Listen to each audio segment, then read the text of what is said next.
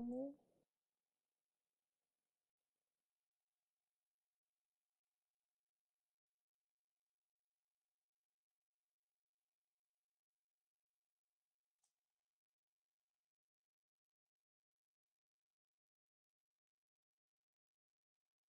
Hola Charlie.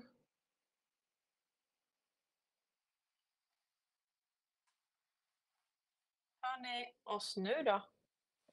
Oj, jag blir helt död där. Alltså det här dödar mig typ. Nu hör ni mig va?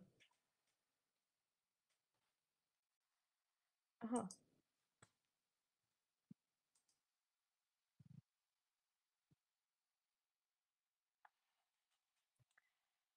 Hallå? Ja, nu hörs du. Ja, Hör du mig? ja. det var bara jävligt Ja. låg, låg volym. Ja, men okej. Vi höjer upp. Så. Du knastrar inte? Jag vet inte varför jag knastrar ibland och ibland så knastrar jag inte. Och, även när jag gör ljud eller videos ibland så säger folk så här, ah, men nu är det skitbra och, och ibland så säger folk så här, det, jag med G-strand sa jag att ah, men nu är det bra ljud och sen är det inte bra ljud och sen är det bra ljud. Så det är jävla varierande efter tid och rum det där. Alltså jag gjorde ju nu så att nu bjöd jag in dig till ett Zoom-möte och så tänkte jag lägga det. Men då hörs inte ljudet från datorn och det gör det alltid. Alltså det, det är jättekonstigt. Så nu fick vi göra en lösning till. Då vet vi att Youtube funkar inte att göra på det viset. Ehm, och ehm, ja, vi får, vi får jobba med det vi har så att säga. Jag har ju haft en otursdag idag på liven. Eh, så försvann ljudet eh, sista 20 minuterna. Eh, och ehm, ja, helt otroligt alltså. Ja, Eh, mycket ska man lära sig va? Nej, nej, alltså det finns inte, alltså jag, jag såg att jag hade ljud så att, men som tur är, jag spelar alltid in analogt bredvid och jag har aldrig behövt den filen, men jag har gjort det varenda gång. Det här var första gången som jag behövde den. Det är lite som en backup. Man vet aldrig när man behöver den, men när man behöver den så är den bra att ha. Eller hur? Ja, men så är det ju. Ja, men du Charlie, vad kul då. Du, eh, riksdagen blir sammankallad nu av krigsdelegationen. Ja, av krigs... Det hade inte hänt på hur många år då? Eh, nej, alltså de satte ihop en krigsdelegation 2017 och det var första gången på 60 år. Ja. Och, Och hur länge sedan var gången- sammankallad då? Nej, det har, jag har inte sett att det har varit det sedan 2017. Inte som man Nej. officiellt har gått ut med i alla fall. Nej, då måste det vara några speciella tider vi lever i. ja, kan vi vara under belägring? Ja, nej men det här ligger ju till grund nu då med, ja, jag, jag hävdar det, jag har tagit upp det i mina videos, det här ligger till grund för att ett avtal med avtalet mellan eh, Arthur Belford och, och eh, eh, herr Rothschild gick ju ut 30 oktober. Och man måste ju skapa nu en kuliss så man inte ser att Israel är egentligen bara ett företag med företagsintressen bakom. Eh, och sen kommer ju allting runt omkring det här nu spelas ut och man har ju gått ut i israelisk media och sagt att man vill försätta två miljoner människor i Gaza på flykt mot Europa. Och då måste man väl tänka lite grann så här att ja, är det då inte ett krig vi lever i? Är det då inte väldigt sammanträffande just att de kallar in just nu? Alltså man kan säga så här, det här med Balfour, Balfour-deklarationen. Tänk Charlie, okej? Eh, tack Ann. Jag sänker det lite Charlie. Så, Ja då, då är det så här att eh, det här är väldigt intressant va? Eh, för att jag fick av eh, Andreas eh, Basén, hon Dr. Kia Pruitt. Och jag brukar inte titta på henne, men jag tittade på vad hon sa om Balfour-deklarationen. Och tydligen är det så här att det finns någon lag som säger att man bara får ockupera ett område 99 år.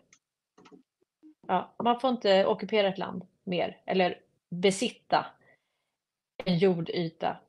Eh, och jag vet inte vilken lag det där är. Jag ska lyssna om det hon sa för att det var väldigt intressant. Hon tog något annat exempel med ett annat land. Eh, när det hade gått 100 år så fick man liksom, man fick flytta på sig helt enkelt. Eh, och ehm, det var ju så att man, man skrev ju den här Balfour deklarationen 1917. 1917. Och då innebär det att 2016 eh, så kom ett annat avtal som ersatte det här och det var Oslofördraget. Det här är eh, Göran Strand som har hittat och gräver på det. Eh, och då har det avtalet löpt då, kan man säga, till 2020. För då skrev Trump eh, The Abraham Accord och det är också en deklaration, alltså Abraham-deklarationen. Eh, och den är ju mycket mer omfattande. Så att det här är någonting riktigt intressant hörni. Så att, för jag tänkte det så här, ja men okej, om Dr. Pruitt har rätt då,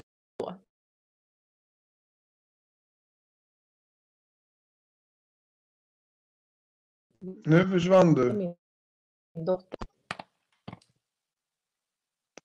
Då tänkte jag så här att, ehm, så, nu ska det inte ringa mig. Då tänkte jag så här, men 20, ni- 2017 åkte ju Trump runt. Är du kvar? Ja, jag är klar. Kör. jag lyssnar. Nu pratar jag på program. ja, men 2017 så åkte han eh, runt på sin kapitulationsturné eller erövringsresa eller vad vi vill kalla det. Och då åkte han ju till Israel. Och man hade tydligen väldigt bråttom eh, att slänga ihop det där eh, Oslofördraget. Hur mår ni? Ja. Lasse tror att om du sänker ditt ljud lite så kanske det slutar knastra. Eh, Charlie är fortfarande lite högt. Ja. Jag kollar. Mm. Så, då, då ska vi se så här. Mm. Tänka, tänka, tänka. Nu ska vi tänka. Okej. 2017, då hade det gått 100 år. Man slängde ihop Oslofördraget i en hast. Och eh, jag ska se vad G. Strand skriver här, för det här är väldigt intressant. Ehm. Mm.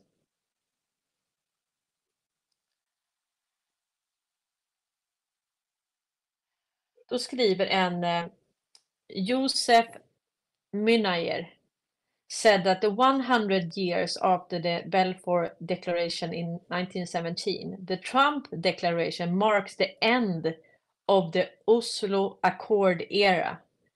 Eh, så här har han hittat ett, eh, både ett dokument här och sen har han hittat ett eh, som en lagtext eh, som han håller på att gräva i. Det är tydligen väldigt svår engelska och eh, som av en händelse så känner vi ju en advokat i London, Anna Iversen. Och det är ju hon som har gjort översättningen också till eh, The Greatest Show on Earth och vad var det mer hon översatte? Ja, men hon har översatt allt möjligt. Men hon är ju jurist va? Eh, så jag tänkte Ja. att vi ska skicka det dokumentet till henne. För här har vi någonting. För här säger han då att eh, Joseph Manner said that 100 years after the Balfour Declaration in 1917, the Trump Declaration marks the end of the Oslo Accord era. Statement by Trump and the US ambassador to the United Nations, Na- Nikki Haley, make for a confused US policy. He said that the American position seems to be that Jerusalem is not for negotiation, but it is at the same time the Americans have already awarded it to Israel. Eh, så det här, det här är klart alltså. Ehm, Ja, det, är klart, det är klart att det är klart. Alltså, det, är redan, det ska ju bara spelas ut nu. Och, och, men vi måste ju förstå, du vet det här eh, Oslofördraget hade jag ju helt missat. Men, men jag tänkte, och det, det roliga är att jag låg och grunnade på det där, så tänkte jag så här, hmm. Alltså inför dagens live när jag gjorde lite research om det här så tänkte jag så här, men det var ju väldigt konstigt att Trump skrev eh, The Abraham Accord 2020. det borde ju varit 2017, eller 2017, för då hade det gått 100 år. Om det nu är någonting med de här 100 åren. Alltså det kan ju vara FN-stadgar, det kan vara Genèvekonventionen, det kan vara någonting någonstans som säger att okej, okay, man får inte besitta eller ockupera ett land mer än 99 år. Mm. Alltså vad, vad, vad, jag, vad, jag, vad jag förstår det, mm. eh, så det, det, alltså, det där, alltså jag är inte riktigt inne på det där spåret. Jag är inne på, på spåret att, att, att de tecknade ett avtal eh, med ett slutdatum eh, som var 30 oktober 2023.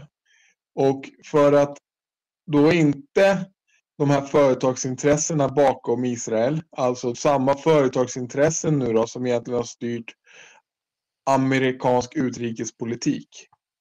Mm. Eh, Ja, alltså det, det, det, det, är samma sionister som sitter i, i senaten och kongressen som, som har haft intresse i de här uh, företagsintressena som går till Israel.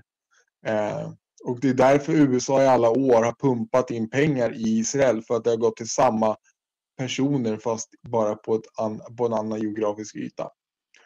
Eh, och vad jag, vad jag fattar det som så måste ju nu det här spelas ut på det här sättet att alla på jorden ska förstå de här företagsintressena. Alltså nu blandar inte jag in massa avtal, de här Trump-avtalen alltså och Oslofördraget och allt vad de nu heter. Alltså, det kan säkert stämma. Jag har inte lagt ner tid och energi på det.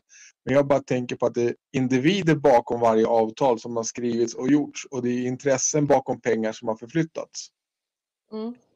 Ja. Men, och då har jag kommit fram och det har mm. kommit fram till att det är samma intressen som, då kan man säga så här, det, är samma individer, det är samma personer som sitter i amerikanska kongressen och senaten som, som vi, benämner som sionister, som Donald Trump sa 2017 när han blev president. Ja, det vi kan tacka judarna för att vi har så fin mångkultur i USA. Det var väl inte så jävla många av dem som tyckte att det var så bra att han exponerade dem. Eh, och, och, han har inte benämnt det vid sionism, han har benämnt det vid, vid, vid ordet judar. Mm. Eh, vilket gör mig väldigt konfunderad. Varför gör han det? Varför särskiljer han inte på judiska intressen och, och eh, de här privata intressena? Mm. Eh, men jag har inte lagt ner tid och energi på det heller. Eh, jag har bara konstaterat att han säger som han gör. Eh, och nu mm. så de här intressena då har ju då fått USAs senat att säga så här. Vi skickar alla resurser vi har till Israel. Vi skiter i Ukraina. Mm. Mm. Så att allt som USA har kommer nu gå till israeliska intressen. Det innebär att man har alltså skapat någonting för att fördriva två miljoner människor som de har gått ut med israelisk media, alltså mot Europa, mm. eh, av en anledning. Eh, och sen kan vi alltså, luska vidare, skicka det här och se om vi kan hitta någonting i Oslofördraget som gör att vi blir klokare på, på, på den biten. Mm. Men vad är det då som tillåter de här människorna med de här vinstintressena att bete sig på det här sättet utan att exponeras på ett eller annat sätt. Utan att till och med Donald Trump nu pratar om, ja, ju, alltså då han benämner det som judiskt och inte som sionistiskt. Där, där, där tycker jag är en, en, en, en intressant eh, vinkel. För i min värld, jag benämner alltid som sionism. Och det verkar de flesta göra också. Så exempelvis demonstrationerna man ser i Stockholm här. Där, där skriver de, skriker de typ så här, död åt sionismen. Alltså, och samma sak på upploppen i Ryssland. Det är, det är inte judarna de jagar, det är sionisterna. Mm. Mm. Så, så var det någonting som, som, som gör att inte det här speaket out hos exempelvis Donald Trump? Vad, vad är det som gör att han fortsätter envisas med att benämna det som en, en judisk och inte en sionistisk sak? Mm. Men har du svar på det? Tänker... Är det någon annan som har svar på det? ja, men vi kan fråga Fatta era mentometerknappar. Ja. Fråga publik. Nej men alltså. Jag tänker så här. Att vad vi har grävt fram det är till exempel 1871. Det är mm. Vatikanen, City of London och det har vi och eh, eh Vatikanen, City och Washington DC. Och det där har vi fått bekräftat av Dr. John Harper Hayes. Att det var så. Så att det vi försöker luska upp, det, det är ju deras system så att säga. Eh, och då är det så att då gjorde han den här erövringsresan, men så var det vissa konfliktmotorer så att säga som låg med olika avtal.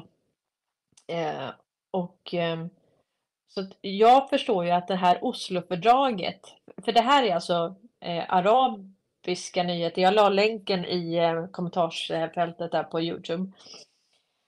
Och då tänker jag så här att eh, Ja, alltså om vi säger att, att du ska liksom Men då hade man Oslofördraget så, så jag tror inte Balfour har, Alltså det gick ut 2000 eh, Det gick ut 2016, 2017 där. Och då, då hade man inget avtal så att säga och efter det så har det ju varit eh, Då har ju Trump medlat då eh, och eh, först åkte han dit och klargjorde. Han flyttade ambassaden till Jerusalem. Och eh, sen så har han då skrivit ett nytt avtal. Och det här är eh, The Abraham Accord, det är, ehm, det är olika länder som eh, ehm, Israel skrev avtal med. Det var väl fyra eller fem länder. Jag visade det på liven idag. Ehm, så, att, så jag tänker mer så här att Alltså jag tror att vi har någonting här.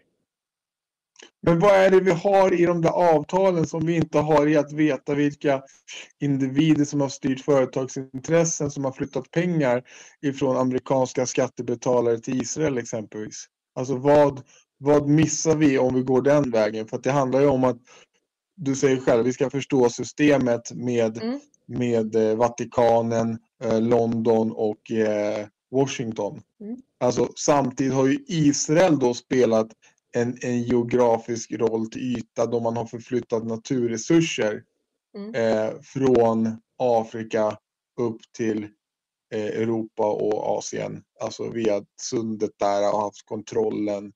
Eh, det som är sjukt intressant att veta tycker jag, det är så här, vilka företag knyter vi till den här regionen? Precis som vilka företag knyter vi till City of London eller eh, till Vatikanen eller till, till eh, eh Washington. Eh, eftersom att, alltså, det är också, Washington är också bara ren affärsjuridik. Alltså, Nej, alltså Washington var ett eget land och de hade en gemensam lagstiftning med Vatikanen och City of London. Så det var liksom själva systemet. Sen har de det finansiella systemet. Men jag menar så här, det här med Israel, eh, alltså det var, det fanns saker, alltså utöver att man tog över, eller Trump tog över systemet som styrde världen, vilket var de här tre. Det var, det var eh, alltså du har massa företagsintressen, men sen har du en jurisdiktion. Är du med på vad jag tänker? Och då tänker jag Ja. att det är den jurisdiktionen som har gällt. Och sen när Trump tog över det här, då, då bäddade han för continuity of government och eh, att få in de här krigslagarna. Mm.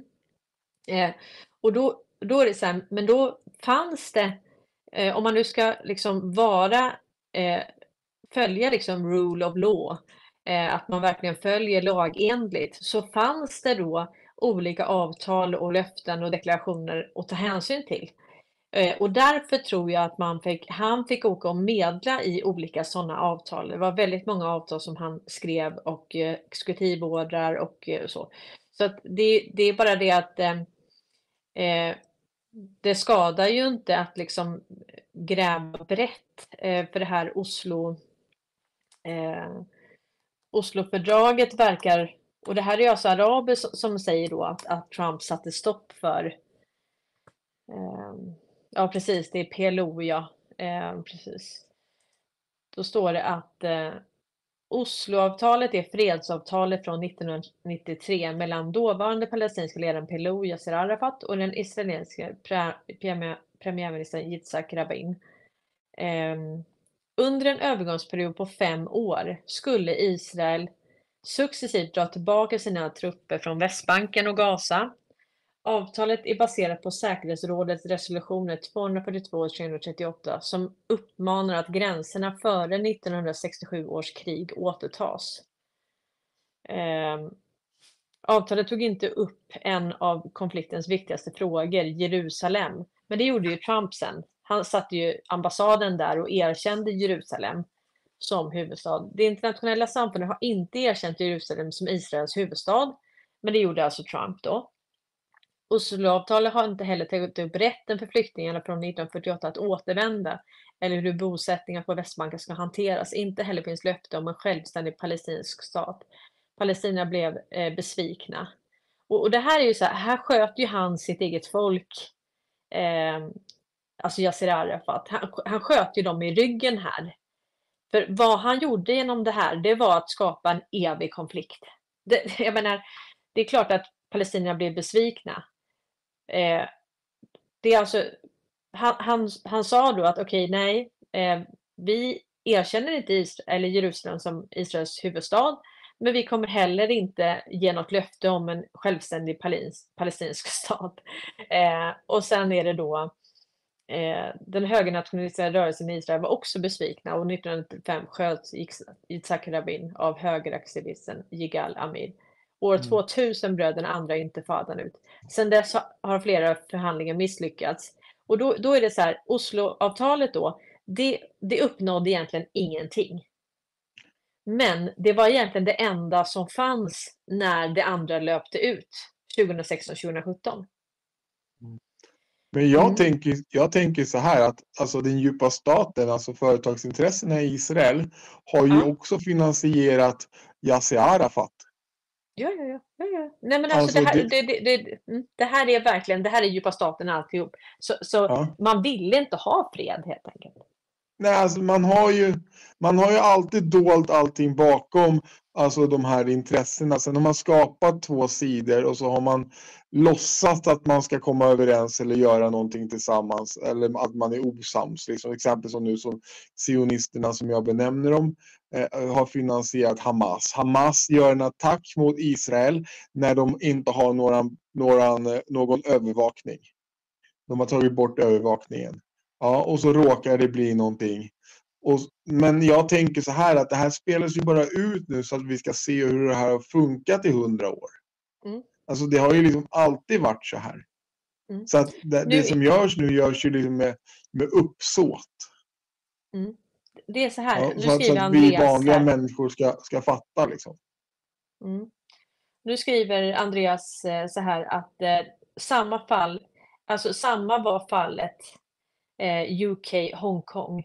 Så att man var alltså tvungen att lämna Hongkong efter 99 år. Och då var det bara så här, 99 år, times up. Så att, och då hade man bara Oslofördraget. Eh, och, och det var därför Trump åkte dit. Han visste ju då. Eh, så vad han gjorde var att han erkände is, Jerusalem. Och han tog fram ett fördrag. Eh, Abraham-fördraget. Och det är det som gäller och då har eh, Osloavtalet upphört att gälla. För det skrev ju den här eh, länken, den här Arab eh, Town Times. Att, eh, och Balfourdeklarationen. Sen är det också registrerat som ett företag. Men, men jag tror att det är, att det är en separat puck. Eh, jag skickar den här i, i, eh, i chatten också. Mm. Alltså, för, för, vi vet att allting är uppbyggt i, i företagsintressen. Men det är ändå jurisdiktion också som är viktig att ha koll på. Och, och, när vi pratar till exempel om Sverige eller vi pratar om USA eller vi pratar om eh, Israel så är det väldigt viktigt att ha tungan rätt i mun och tänka vilken jurisdiktion är det som gäller här? För att det mm. går ju inte att prata utifrån svensk lag eller EUs lag om vi faktiskt har amerikanska krigslagar. Absolut, Nej, men det, det, har du, det har du helt rätt i. Så, att, så men frågan är vad, vilken jurisdiktion gäller då nere i Israel? Varför mm. och, och, och, och, vilken, vilken, alltså det här med det Trump har lämnat över till dem. Alltså bryter de mot hans, eh, hans skrivelse eller är det här enligt hans plan så att säga? Eller har han lockat in dem i någonting nu för att de ska falla? Alltså, man kan säga att allting har ju fallit. Men för att Eh, för att det skulle vara fred. Eh, alltså vi har ju då global, globalt undantagstillstånd. Och vi har amerikansk krigslag. För det, för det är det som gäller överallt i och med att du hade ett system som styrde världen och sen upphörde det 2017. Okej, okay. och då, eh, då men, men för att det här ska kunna vara under tiden som det här spelas ut och, och man gör den här folkbildningen, att vi ska få eh, leva igenom det, vi ska få uppleva, vi ska få se, vi ska förstå, vi ska händelser spelas upp för att vi ska förstå historien. Eh, så där har du helt rätt att det här spelas upp eh, och personer lyfts fram som man kanske inte hade en aning om. Jag menar Fauci har ju varit en sån som har ställt till hur mycket skit som helst, men det var ingen som visste vem han var egentligen. Och då gör man eh, honom hej och tjenis med hela världen. Va? Jag menar, det, det är likadant, eh, jag menar Klaus Schwab, han eh, syns ju och hörs ju överallt liksom. Och eh, alltså det är många, vi, vi har det, och, och, det är därför jag tänker lite, alltså det är väl ingen som har missat Carl Bildt, men du får tänka på att det finns ju de som är yngre också som kanske inte liksom har koll på den blodige svensken. Och nu får han i uppgift här att eh, rensa upp i, eh, i eh, de här eh, eh, underrättelsetjänsterna. Alltså, och, och det där handlar ju egentligen om att många tänker ju fel att det, att det är staten som har tillgång till all data. Men, men här, det här handlar, hans uppdrag här det är att se, okej, okay, utav all den samlade metadatan vi har, vad är det vi behöver dela med respektive myndighet eller aktör som ska skydda eh, Sveriges nationella säkerhet? För, för att kunna egentligen spela ut det här. Alltså folk måste ju lagföras nu. Folk kommer ju få lagföras. Eh, och vem är bättre skickad för att göra det här än just Carl Bildt? Han har ju järnkoll på eh, Investor, Ericsson, att, att det är det sjätte ögat i Five Eyes till exempel, som ser allt. Liksom. All seeing eye, ögat. Det är liksom Ericsson. Va? Absolut. Nej, men det, det, är klart att det, det är en strategisk eh, spelat det här emot den djupa staten, att man lyfter fram de här aktörerna då som gammal CIA-agent som han är, som har suttit och infiltrerat och gjort saker och ting emot svenska folket hela, hela hans liv. Mm. Eh, så det, det, är klart att det, det, är skickligt gjort och att det, det spelas ut på det här sättet. Jag tycker ju bara att det vore sjukt tragiskt om man tar den här konflikten nere i, i, i Israel nu då, eh, Palestina. Mm. Eh, mm. Att om det är så att man offrar människoliv för att man ska offentliggöra det här, det vet vi för. Vi vet ju inte hur, hur kriget ter sig. Vi vet ju inte om människor faktiskt offras eller slaktas eller dödas liksom, i den utsträckning som media rapporterar eftersom att vi vet ju att media rapporterar skit och ibland så rapporterar de ju lite sanning. Men personligen kan jag tycka att det är en jävla tragedi om vi skulle behöva gå igenom mänskligt lidande. Alltså i den bemärkelsen att folk måste faktiskt dö för att andra människor ska fatta. Mm. Hm. Det kan jag bli lite bekymrad över. Liksom. Om, man har den militära kontrollen, man har kontrollen på, på, på Ericsson, alltså informationshanteringen. Du har kontrollen på ABB, kraftförsörjningen. Eh, och ändå så skulle du spela ut det nu som att ja, nu har de släckt ner Gaza då, så att säga, så att nu har de ingen internet. Eh, och nu får vi se vad det där blir med Starlink och Elon Musk.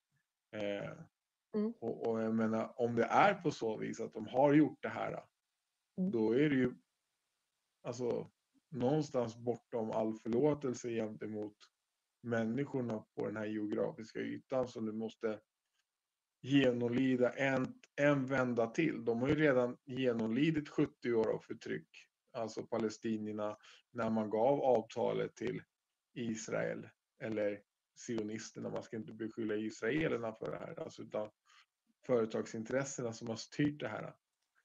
Alltså det har ju varit fruktansvärt mycket lidande och jag, jag, är, jag är faktiskt uppriktigt bekymrad över att det skulle behöva spelas så här. Mm. Men, men vi vet ju inte riktigt vad som händer där heller. Men, men eh, med det sagt så är det ju så här att jag tänker också att eh, Trump brukar ju kapa det som de gör.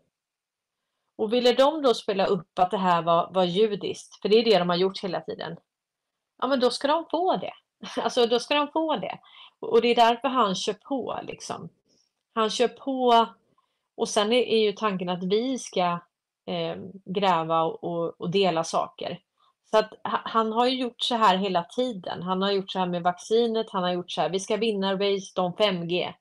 Samtidigt så skriver han exekutivordrar där man ska se över eh, hur människan påverkas av 5G. Till exempel. Alltså att man inte ska rulla ut det förrän man har undersökt hur det här påverkar människan. Eh, och eh, så, att, så att med det sagt så, så, tror jag att det här är, eh, det är kapat. Alltså han vet mycket väl vilka som är det, han vet mycket väl vad det här handlar om. Och han har ju faktiskt bringat fred eh, till regionen och, eh, genom det här Abraham Accord och han har erkänt då eh, Jerusalem. Och sen har man ju då gjort ett avtal med palestinierna. Så jag, jag ja, tänker ändå så här att jag, jag, alltså jag, jag vet inte exakt, jag är ju inte där på plats så jag kan inte säga och jag um, Sen är det också, ja, vilka, vilka är det som håller på liksom? Mm. Vilka är det som håller på också? Det, det är det som är... Jag menar som i Ukraina så vet vi att det är ju... Alltså de har ju varnat civilbefolkningen och det, det är ju legoknektar som har egentligen mm. ja, tagit död på varandra så att säga.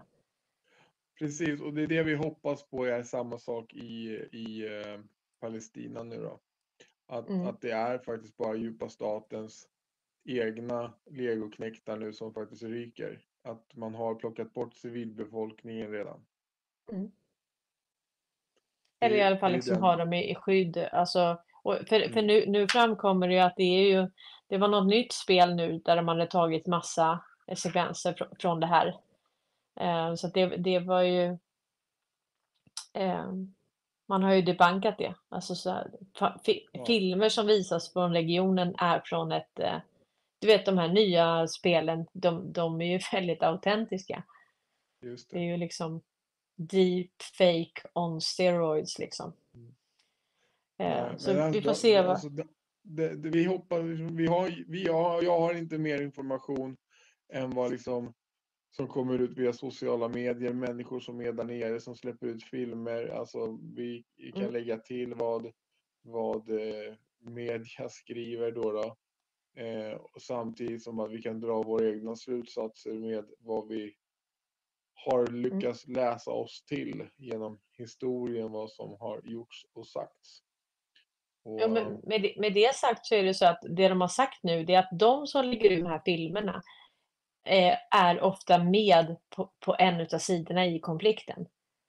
Och sen är det så att om, om de inte har tillgång till internet, så här, hur, hur kommunicerar de så att säga? Så att, alltså, jag, jag tycker det är väldigt svårt att veta de här filmerna från de som är på plats. Eh, det kan ju mycket väl vara så att det är, så, att det är legoknekter, att det är personer som vill verkligen måla upp Eh, man bäddar upp för ett scare event helt enkelt. För jag menar, Israel är ju en kärnvapenmakt också. Absolut. Och sen tänker jag så här.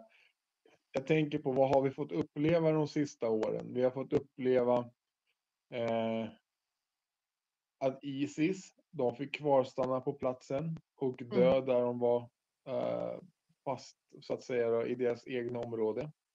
Mm. Vi har fått uppleva Ukraina där betalda eh, ja, människor som vill slåss för, för betalning också mm. har kvarstannat. Alltså svenska mm. prickskyttar mm. har ju blivit av, eh, eliminerade där nere. Eh, och jag tänker väl att det är väl här som vi hittar den röda tråden hoppas jag. att det är samma sak i Palestina. Att de här Mm. fake news nu som jag hoppas på är att eh, 70 procent som dör är kvinnor och barn. Det hoppas jag faktiskt inte stämmer. Det hoppas jag är Nej. fake news Alltså- och deras, med, alltså deras nyheter bara. Ja, ja, nej, nej, alltså jag, jag tror att det här är... Eh, alltså nu ska ju alla, allas blickar riktas hit. Det är saker som ska spelas upp här för världen att se. Och då måste du, hur, hur får du människors eh, uppmärksamhet idag? Alltså vi har ju blivit, eh, alltså vi konsumerar ju elände som, som ingenting. Vad, vad, vad får egentligen folk att reagera? Vad kan du säga för känsloargument som får folk upp, upp ur soffan? Ja, det är inte mycket ju. Inte i Alltså vi har ju blivit som zombies ibland. Jo, men det handlar ju mycket om att vi människor inte har blivit, vi förstår ju inte. Alltså, vi har ju valt att gå och knega för våra tusenlappar varje dag och tycka att det är mer rikedom än att förstå att alla människor på jorden måste faktiskt få mat och tak över huvudet. Då har Mm. vi liksom sprungit här och jagat tusenlappar och tyckt att vi är kungar. Liksom. Mm. Så, så, så någonstans så handlar det här att liksom fokusförflyttning, det har du ju helt rätt i. Eh, Mm. Medan det finns ju många andra regioner som har faktiskt fattat det här redan för många, många, många år sedan. Att det är företagsintressen som ligger bakom och det är samma företagsintressen oavsett plats eh, på jorden. Nu hör inte jag dig. Nu. Hör du mig nu? Ja, nu, Ja. nu. Oavsett, oavsett plats på jorden. Du laggar lite. Jag tar igen. Ja, oavsett plats på jorden det är eh, en krig, ett krig på eller liksom oroligheter på så är det samma företagsintressen. Alltså det är ju bara ta vilken plats som helst på jorden eh, som det har varit ett krig på de senaste eh, 70-80 åren. Och så kan du ju slå Ericsson och den geografiska yta eller ABB och den geografiska yta så hittar du alltid de här parterna. Det är inte så att det är så här, åh fan Huawei kontrollerar eh, vad heter det, internet nere i Jemen. Alltså så är det ju Mm. inte. Det kan ju liksom, Nej. det där är ju, nej, och, och, och så, det, det är ju så. Sen alla partners till eh, Ericsson eller Investor då, då Wallenberg och sen är det ju bara att hitta den där, hitta jävla svensken eller vad man brukar säga eh, i varje styrelse eller svenskkopplingen i varje styrelse. Alltså, de har ju tryckt in en gubbe i varje styrelse någonstans som sitter med eh, trumfkort eller ja, nu sitter de med Svarte Petter liksom. Mm. Jag hittade en lite intressant sak här. Eh, Mm. Eh, ja, men det handlar om Hongkong. Eh, då står det så här. När 1997 närmade sig eh, slutåret för britternas arrende av nya territorierna började Kina och Storbritannien förhandla om Hongkongs framtid. Och 1984 kom man överens om att hela Hongkongområdet skulle överlåtas till Kina den 1 juli 1997 som en särskild administrativ region. Detta skulle ske under parollen ett land, två system, enligt vilken Hongkong skulle få ett stort mått av självstyre och rätten att behålla sitt kapitalistiska system, sin samordning och alla medborgerliga fri och rättigheter i minst 50 år. Så att här var det alltså så att 97 så närmade sig slutåret för britternas arrende så att säga. Så att det- här är, ni har helt rätt, eh, ni som har sagt det här. Det är väldigt intressant och då är det så att då fick de sätta sig vid förhandlingsbordet eh, och eh, komma överens om då att, eh, och det här gjorde man 1984. Då kom man överens om vad, skulle, vad som skulle hända 1997 då det här arrendet gick ut. Och då förstår jag att det hade gått 100 år för, för att man hade, eller 99 då, för man hade då haft, det var en liten, eh, en, en liten sväng där som Japan ockuperade eh, Hongkong eh, efter andra världskriget. Men sen kapitulerade de och då återgick området till brittiskt styre. Så att det blev som en, eh, vad ska jag säga, det blev en, ett avbrott i ockupationen så att säga. som kan ha gjort att det blir någon form av omräkning, jag vet inte. Men det är ändå väldigt intressant att, att det, fanns en, en, det fanns ett slutdatum på eh, arrendet för nya territorierna. Så att det här med slutdatum och Israel, alltså det kan ju vara så också. Det här, det, det känns som att det här är någonting. Det här är, vi är någonting på spåren här känner jag. Mm. Nu börjar min näsa. Alltså jag vill bara sniffa upp vad det här är. Jag hävdar att slutdatumet för Israel var den 30 eh, oktober. 31. 31 oktober Nej, har jag läst. Nej, 30, 30 har jag, har jag läst. Men Okej. det spelar ingen roll. Det spelar ingen roll. Jo, det spelar jätteroll. 31 eller 30. Ja, Jag men är en sån detaljmänniska. ja, men, jo, men alltså, det kan vara 30 och 31. Det kan- 31 jag lägger liksom, men jag har läst den spelar ingen 30. roll. Nej, Mm. men, Mm. men det point i alla fall är att det finns ett slutdatum. Det finns en anledning till varför vi ser det här nu komma. Och Mm. det vi började prata om, eller det du började prata om, det var ju Mm. varför sätter man ihop en krigsdelegation i Sverige precis just nu? Mm. Ja, och Ja, det här 2017 kni- gjorde man det. Ja, och det var- 2017. Ja, och det var 100 första gången på sex, 60 år. Ja, precis. Och, Mm. och då, alltså för mig så blir det så här. Då var det 2017, för- då blev det så här, om Sverige hamnade under ockupation 2017 så var man tvungen att sätta ihop eh, en kontinuitetsregering eller en motpart då, en krigsdelegation, motpart till den ockuperande makten. Och då är uppgiften då, eh, som jag läste idag på liven, då är uppgiften att hålla, eh, ja vi kan ta det, eh, då ska man hålla då väsentliga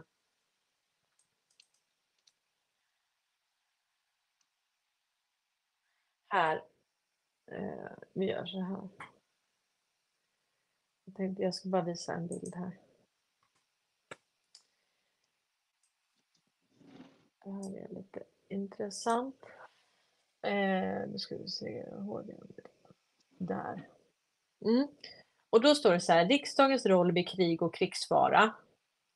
Då står det regeringsformen och riksdagsordningen reglerar processerna för riksdagen och riksdagens krigsdelegation när Sverige befinner sig i krig eller krigsfara. Reglerna är till för att landet ska kunna styras på ett reda, redan förutsett vis och ge det handlingsutrymme som behövs även i ett allvarligt läge. Eh, så att det finns då rutiner och de här rutinerna, de behöver inte vara svenska utan de kan vara law of war. Att du har, alltså hur, hur ska du kunna upprätthålla väsentliga funktioner? Eh, ja, en kontinuitetsregering så att säga. Som, för att jag menar, det, det måste ju ändå eh, ah, det måste ju ändå vara så att man måste ju sköta så att säga det dagliga. Eh, det är ju saker som, som behövs i landet så att säga. Så att, och då får de helt enkelt göra det eh, under den tiden då. Mm. Men det konstiga i det här kan jag tycka. Mm. Alltså, man kan ju inte säga att man har spelat det här öppet. Eftersom att då hade man ju tagit kontroll över media innan man har gjort det här, tänker jag. Det tror jag Alltså man har att man- gjort. Det har man Nej. gjort. Man, det har man gjort. När man tog kontroll ja. på Ericsson så tog man kontroll på Redbee. Så att eh, jag tror att... Alltså- Mm, Men det är fortfarande så att vi sitter inte diskuterar så här. Alltså vilken information är riktig och rätt som media släpper ut. Vi, vi, vi kan inte säga så här att ja, men media säger sanningen. Nej, nej, de, nej. säger, de, säger, de säger delar. mm, mm. Men det är för att man Mm. kan inte liksom kasta ut en elefant och säga svälj allihopa. Utan det, det måste vara eh, information och desinformation. Och, och, det, och det tänker jag, alltså som det arbete som vi gör så att säga. Eh, alla vi som lyssnar på det här, liksom digitala soldater. Vi krigar ju på så att säga, men, men det måste hela tiden tillåtas den andra sidan. Du måste ha två narrativ för att folk eh, själva ska komma fram till vad som är. För om man bara portionerar ut det, ja, men det här är sanningen. Då kommer ingen tänka själv. Då kommer vi, då kommer vi inte ha uppnått en personlig utveckling där man själv tänker till och bara så här, nej men det här samhället vill inte jag ha. Jag vill inte ha det här systemet. Jag, jag tycker inte det är okej att se det här lidandet. Jag tycker inte det är okej att, att mina grannar får tvångssälja sitt hus. Eh, och så, så att jag tror att båda tillåts att säga. Jag, jag har ju sagt från början att jag tror att media har fått tre direktiv. Eh, det ena är business as usual. Det andra är mer sanning. Och eh, det tredje är motstridiga budskap. Och det här har jag och, och, det är för att väcka, det är för att mana till eftertanken, det är för att mm. spela ut. Därmed inte sagt att, att det, det, de, alltså det de talar ut som är lögn, det, det, är ju, det är ju desinformation. Och den är till för att skapa eh, opinionsbildningsmässiga effekter så att säga. Um, så att, ja, men jag, jag, jag, är fortfarande, jag har hållit vid den tanken i, i tre år nu och så jag tror att det är övertaget men däremot så kan man inte liksom gå ut och säga allting för då, då blir det precis som att man bara kastar elefanter eller som Selena Luna säger då att man får hela bageriet. Alltså först var det smulor, sen var det då eh, ja, brödlimper och eh, panrish och, och, nu är det hela bageriet som de kastar i huvudet på oss. Eh, och eh, så, så om du vill förstå det här och se så är det ju väldigt lätt idag all information finns ju där ute. Absolut, alltså det håller jag med om. Men alltså, saker och ting kommer ju, som du säger, i väldigt små etapper. Och ja, man kan ju säga vad man vill, men men äh, kriget mot den djupa staten är ju verkligt varje dag. Mm. Jag menar, det har ju varit företagsintressen allt ifrån att liksom enskilda profitörer på krig till mm. att vi har personnummer i deras system som gör att vi är mm. registrerade slavar. Men mm. jag fattar ju också att det är en process att bryta sig loss. Nu, hör, nu hörs du inte. Nu får du prata in i micken. Ja, men det ringer här så jag måste nu. trycka bort. Jaha, okej. Okay. Yeah. Men, men eh, Ta på stör ej-läge så kanske inte ringer. Ja, det är sant. Eh, nej, men Kalle, Kalle har ju liksom ändå hållit på och tjatat om det här sedan 2008 på något sätt. Och det kan ju tyckas sjukt jävla lång tid. Alltså om han har börjat på informerat om det här redan 2008 och vi mm. sitter 2023. Mm. Och, och, och äh, majoriteten av människor i det här landet fattar inte ens det Kalle sa 2008. Alltså det är en jävla massa år efter liksom. Vad är, vad är, det, jo, liksom men... som gör, vad är det som gör, tänker jag då, att man inte bara just plockar ner den där jävla elefanten. Man maler ner den i en stor jävla tugga och sen får folk helt enkelt portioneras ut i att förstå sin egen sin egen själv, alltså förstå sina egna känslor helt enkelt. För jag menar, det handlar ju bara men, men det är att... det man gör. Det är precis det man gör. Du, du säger ja, det själv, det är precis det man gör. Jo, men alltså, jag håller med om att det är det man gör. Mm. Men, jag håller, men jag tycker att det går jävligt långsamt. Jag menar, ta Nej, exempel. det går för fort! Nej, vi, vi är inte överens om att hur, vilken takt man kan hålla. Exempel, ta exempel, ta exempel där. Jag, är, jag, jag kan inte lägga ut mina videofilmer längre på Facebook. Alltså de går inte ens fram. Nej. Nej. Och då sa du så här. Ja, men du gör det för, du gör det för snabbt Charlie. Du, du har för mycket information som inte ska liksom, läggas typ nu. Mm. Ja. Och jag håller inte alltså, med Du är alldeles för tydlig. Jo, men jag håller helt med om det. För, för det är så att du gör kopplingar som det blir liksom för mycket och sen, sen har du ingen aning om vilken traction du egentligen har. Alltså de håller ju tillbaka så vi tänker så här, ja men vi når så här eh, ett par tusen liksom. Men det gör vi ju inte. Alltså jag tror att vi når fler. Men du måste ha de här motnarrativen. Och likaså nu på Youtube så tog det, vad tog det, åtta timmar för dig att ladda upp en film. På, för, mig tar det, för mig tar det en kvart. Ja, det är lite skillnad. Och då har jag mycket tyngre filer än vad du har. Då har jag liksom suttit och pratat i en och en halv timme liksom. Ja, ja. Nej, men det... det är skillnad på folk och fä. Jo, absolut. Men det är därför jag tycker att saker och ting går för långsamt. Om du förstår liksom. jag tycker typ att vi är mål. Jag menar, fattar man det här med Israel, att man fattar man det här med företagsintressena i Israel och de här avtalen. Mm. Förstår man vem det är som har skrivit avtalet och förstår man vem mottagaren var av avtalet och förstod man vad hela syftet med att just Israel hamnade precis just där, på den där geografiska platsen.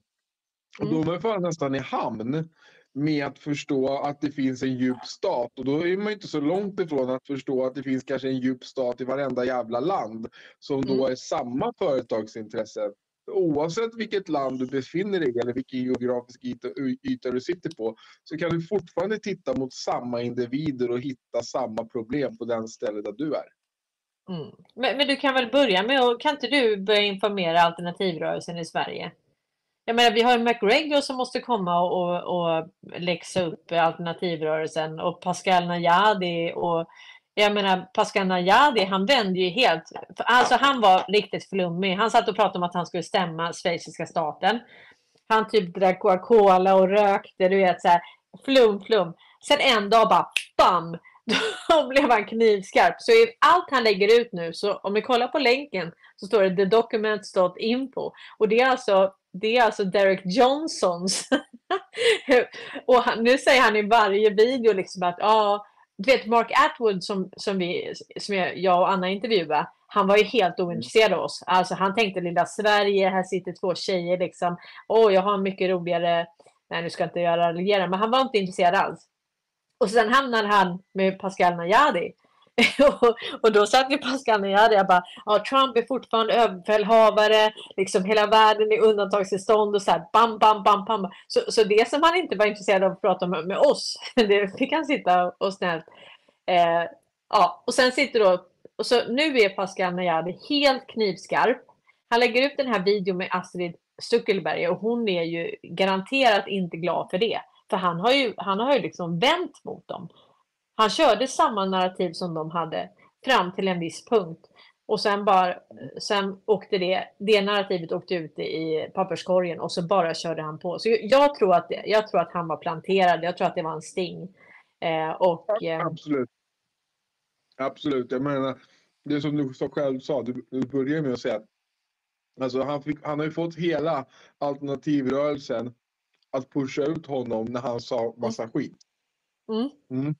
Och då lyfter de fram honom som värsta. Mm. Exakt, och alla har lyft fram honom. Alltså hela alternativrörelsen åkte ju nu Ja. under, under, under bussen liksom. Varenda jävla påhittad, S- eh, så det här med eh, Swebb-TV och, och Nya Dagbladet och vet du fan hans moster. Mm. Jag menar, om, om nu de här personerna ser det här eller får höra att, att vi pratar om dem, eh, då måste de ju själva se sig som idioter som gick på den där luringen. Alltså. Ja, ja, ja. Nej, nej. Och sen gör han den här videon nu om, om Genève och så. Då står det thedocuments.info och så pratar han då eh, hela tiden om att Trump är överbefälhavare. Det är att Biden är död, säger han också. Oj! Ja. ja. Cornelia, eh, har du och jag sagt det också kanske? Ja, ja, nej, men, det, men alltså, han säger det nu. Så det är helt otroligt. Eh, och sen har vi då... Men Cornelia, Mm. måste jag få säga en sak nu bara. Hur kan man komma sig, man, om man sitter på Nya Dagbladet Mm. eller om man sitter i Swebb-TV och snackar massa jävla skit. Alltså tror de seriöst att de kommer klara sig? Eller kommer de få sitt straff Oavsett om de inte blir, kanske inte blir dömda i rättegång. Men deras straff är att de har betett sig som idioter fast de har haft informationen framför sig. Och att de har varit lojala med systemet för att tjäna egen nytta för att få sina jävla bidrag. Har det varit, Mm. har det varit värt det? Mm. Ja, ja, nej men alltså det här är ju, det, det här är precis... Eh, eh, vilka tomtar är det som sitter på Sweb TV och sitter och bestämmer vilka program det är som ska vara där? Ja, men man, man kan säga hon eh, Petra Gapi, hon skulle göra ett avsnitt om, eh, om Wallenberg. Och sen eh, var det ju Marit som pratade med henne och då helt plötsligt så skulle hon ju inte göra något avsnitt. Och eh, i september 2022 så skrev Aida Reva att hon skulle göra ett, eh, att nästa gång skulle hon göra verkligen om eh, kärna. Så hon skulle göra ett avsnitt om, eh, eh, alltså hon fick så mycket backlash för hon skulle då berätta alltså vad problemet var så att säga. Och så nämnde hon inte Wallenberg. Och då skrev hon att hon skulle göra ett, ett avsnitt om dem, nästa avsnitt. Det här var alltså i september 2022. Hon har inte gjort det än. Eh, så någonting är ju att, att de får ju inte det. Men, men en annan person, nu var ju McGregor igen här hos eh, eh, Håkan Ber Bergmark. Och eh, jag menar, då har du McGregor som sitter och pratar om, om Sverige. Och, och då sa Karl att, att eh, när Håkan Bergmark tog upp Wallenberg så stod det i, i engelska eller i undertexten, då stod det liksom inte, du kunde inte ens få fram att det där var Wallenberg, utan det, det var som felstavning så att, så att till, till oigenkännlighet liksom.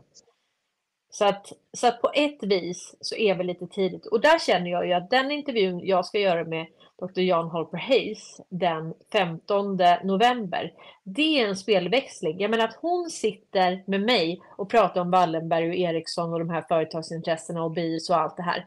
Du vet, eh, jag menar, vi har ju hållit på att prata hon och jag sedan augusti. Eh, och hon har, sagt, jag har liksom, hon har vettat mig, alltså jag är, jag är klar. Liksom hon har gjort sin due diligence om mig. Och, eh, men det har alltså tagit fram till november nu.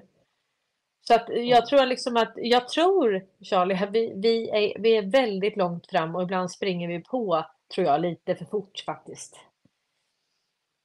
Absolut, men det betyder ju inte att Alltså jag blir så irriterad på... Alltså kan det vara så då? Det du, det du säger till mig nu lite grann är att du tror att Sveb-TV och de har fått direktiv hur de ska förhålla sig gentemot Wallenberg? Då, eller? Nej, Nej då, utan Nej. jag tror ju, jag tror ju att, att, att vanlig mainstream media är övertaget, så att säga. Alltså, mm. För de, de är ju till och med krigsplacerade. Om du kollar på SVT, mm. de är krigsplacerade. Det är ju inte de andra. Så jag tror att, man, att det var ganska lätt att komma åt dem. För, för där var det ju Wallenberg. Liksom. De, de andra är betydligt svårare. För, för de, de kan byta skepnad, de kan börja sälja vin, eh, de kan eh, liksom tigga på, på Messenger och skicka till, till helt random folk, bara stötta Frihetsnytt som de gör. Alltså de skickar till folk som de inte ens är vän med, bara skickar ut så du, du får meddelandeförfrågan och så är det liksom eh, ja, stötta oss. Så de hittar på olika saker eh, hela tiden. Men alltså deras finansiering är ju slut. Men de har, eh, jag tror inte att de, de, eh, de kan inte så att säga. De, de, de har gjort någonting. Eller de, de är liksom... Eh, kan det vara så att de här människorna bakom de här alternativmedierna mm att de har haft för bekväma liv och de vill bara fortsätta pumpa ut skit och fan de undrar nu själva varför får inte jag betalt? Och sen försöker de hitta egna lösningar på att fixa mm. sin betalning. Mm. Ja men precis och jag tror ju att vissa av dem har fått upfront så att säga. De har fått pengar innan eh, för, för, olika saker. Men, men jag menar det här de håller på med alla de här politiska partierna helt plötsligt liksom. Eh, så jag tror att man har fått man har fått finansiering och sen börjar den sina så att säga. Du, du vet ju eh, Per Shapiros bror skulle ju föra över en miljon. Men det, men det tog ju stopp. Och, och tre av de här har ju blivit av med sitt bankkonto. Fria Tider, Swebb TV och eh, Nya Dagbladet. Och Nya Dagbladet har stiftelse också. Det är också så här jättemärkligt liksom. Mm. Så, att, så att det är ju, men, men hur kom vi hit? Jo, vi kom hit att du sa att det här, att alla fattar det här nu. Och då sa jag det att då tycker jag att du ska göra som Mia Staff här. Mia Staff hon kastade, jag gav min mormor 76 år hela elefanten till slut. Då hon tyvärr är en av dem eh, som tror på allt. Nu tar jag brödbitarna och lägger fram i det småbitar vartefter vad som kommer fram. Ja men precis, det var väl, det var väl så många utav oss gjort i början. Vi, vi ville liksom berätta allt och då blir det så här. Eh, folk slår bakut liksom när det blir för långt ifrån deras världsbild. Det, det går jag, inte. Jag berättar en rolig sak bara. Mm. Jag, sa, jag, jag, jag, sa till dig att jag skulle sitta på middag nu ikväll och jag hade min mm. mamma och min mormor över. Ja. Och, och jag kan sitta och diskutera med min mormor, 88 år.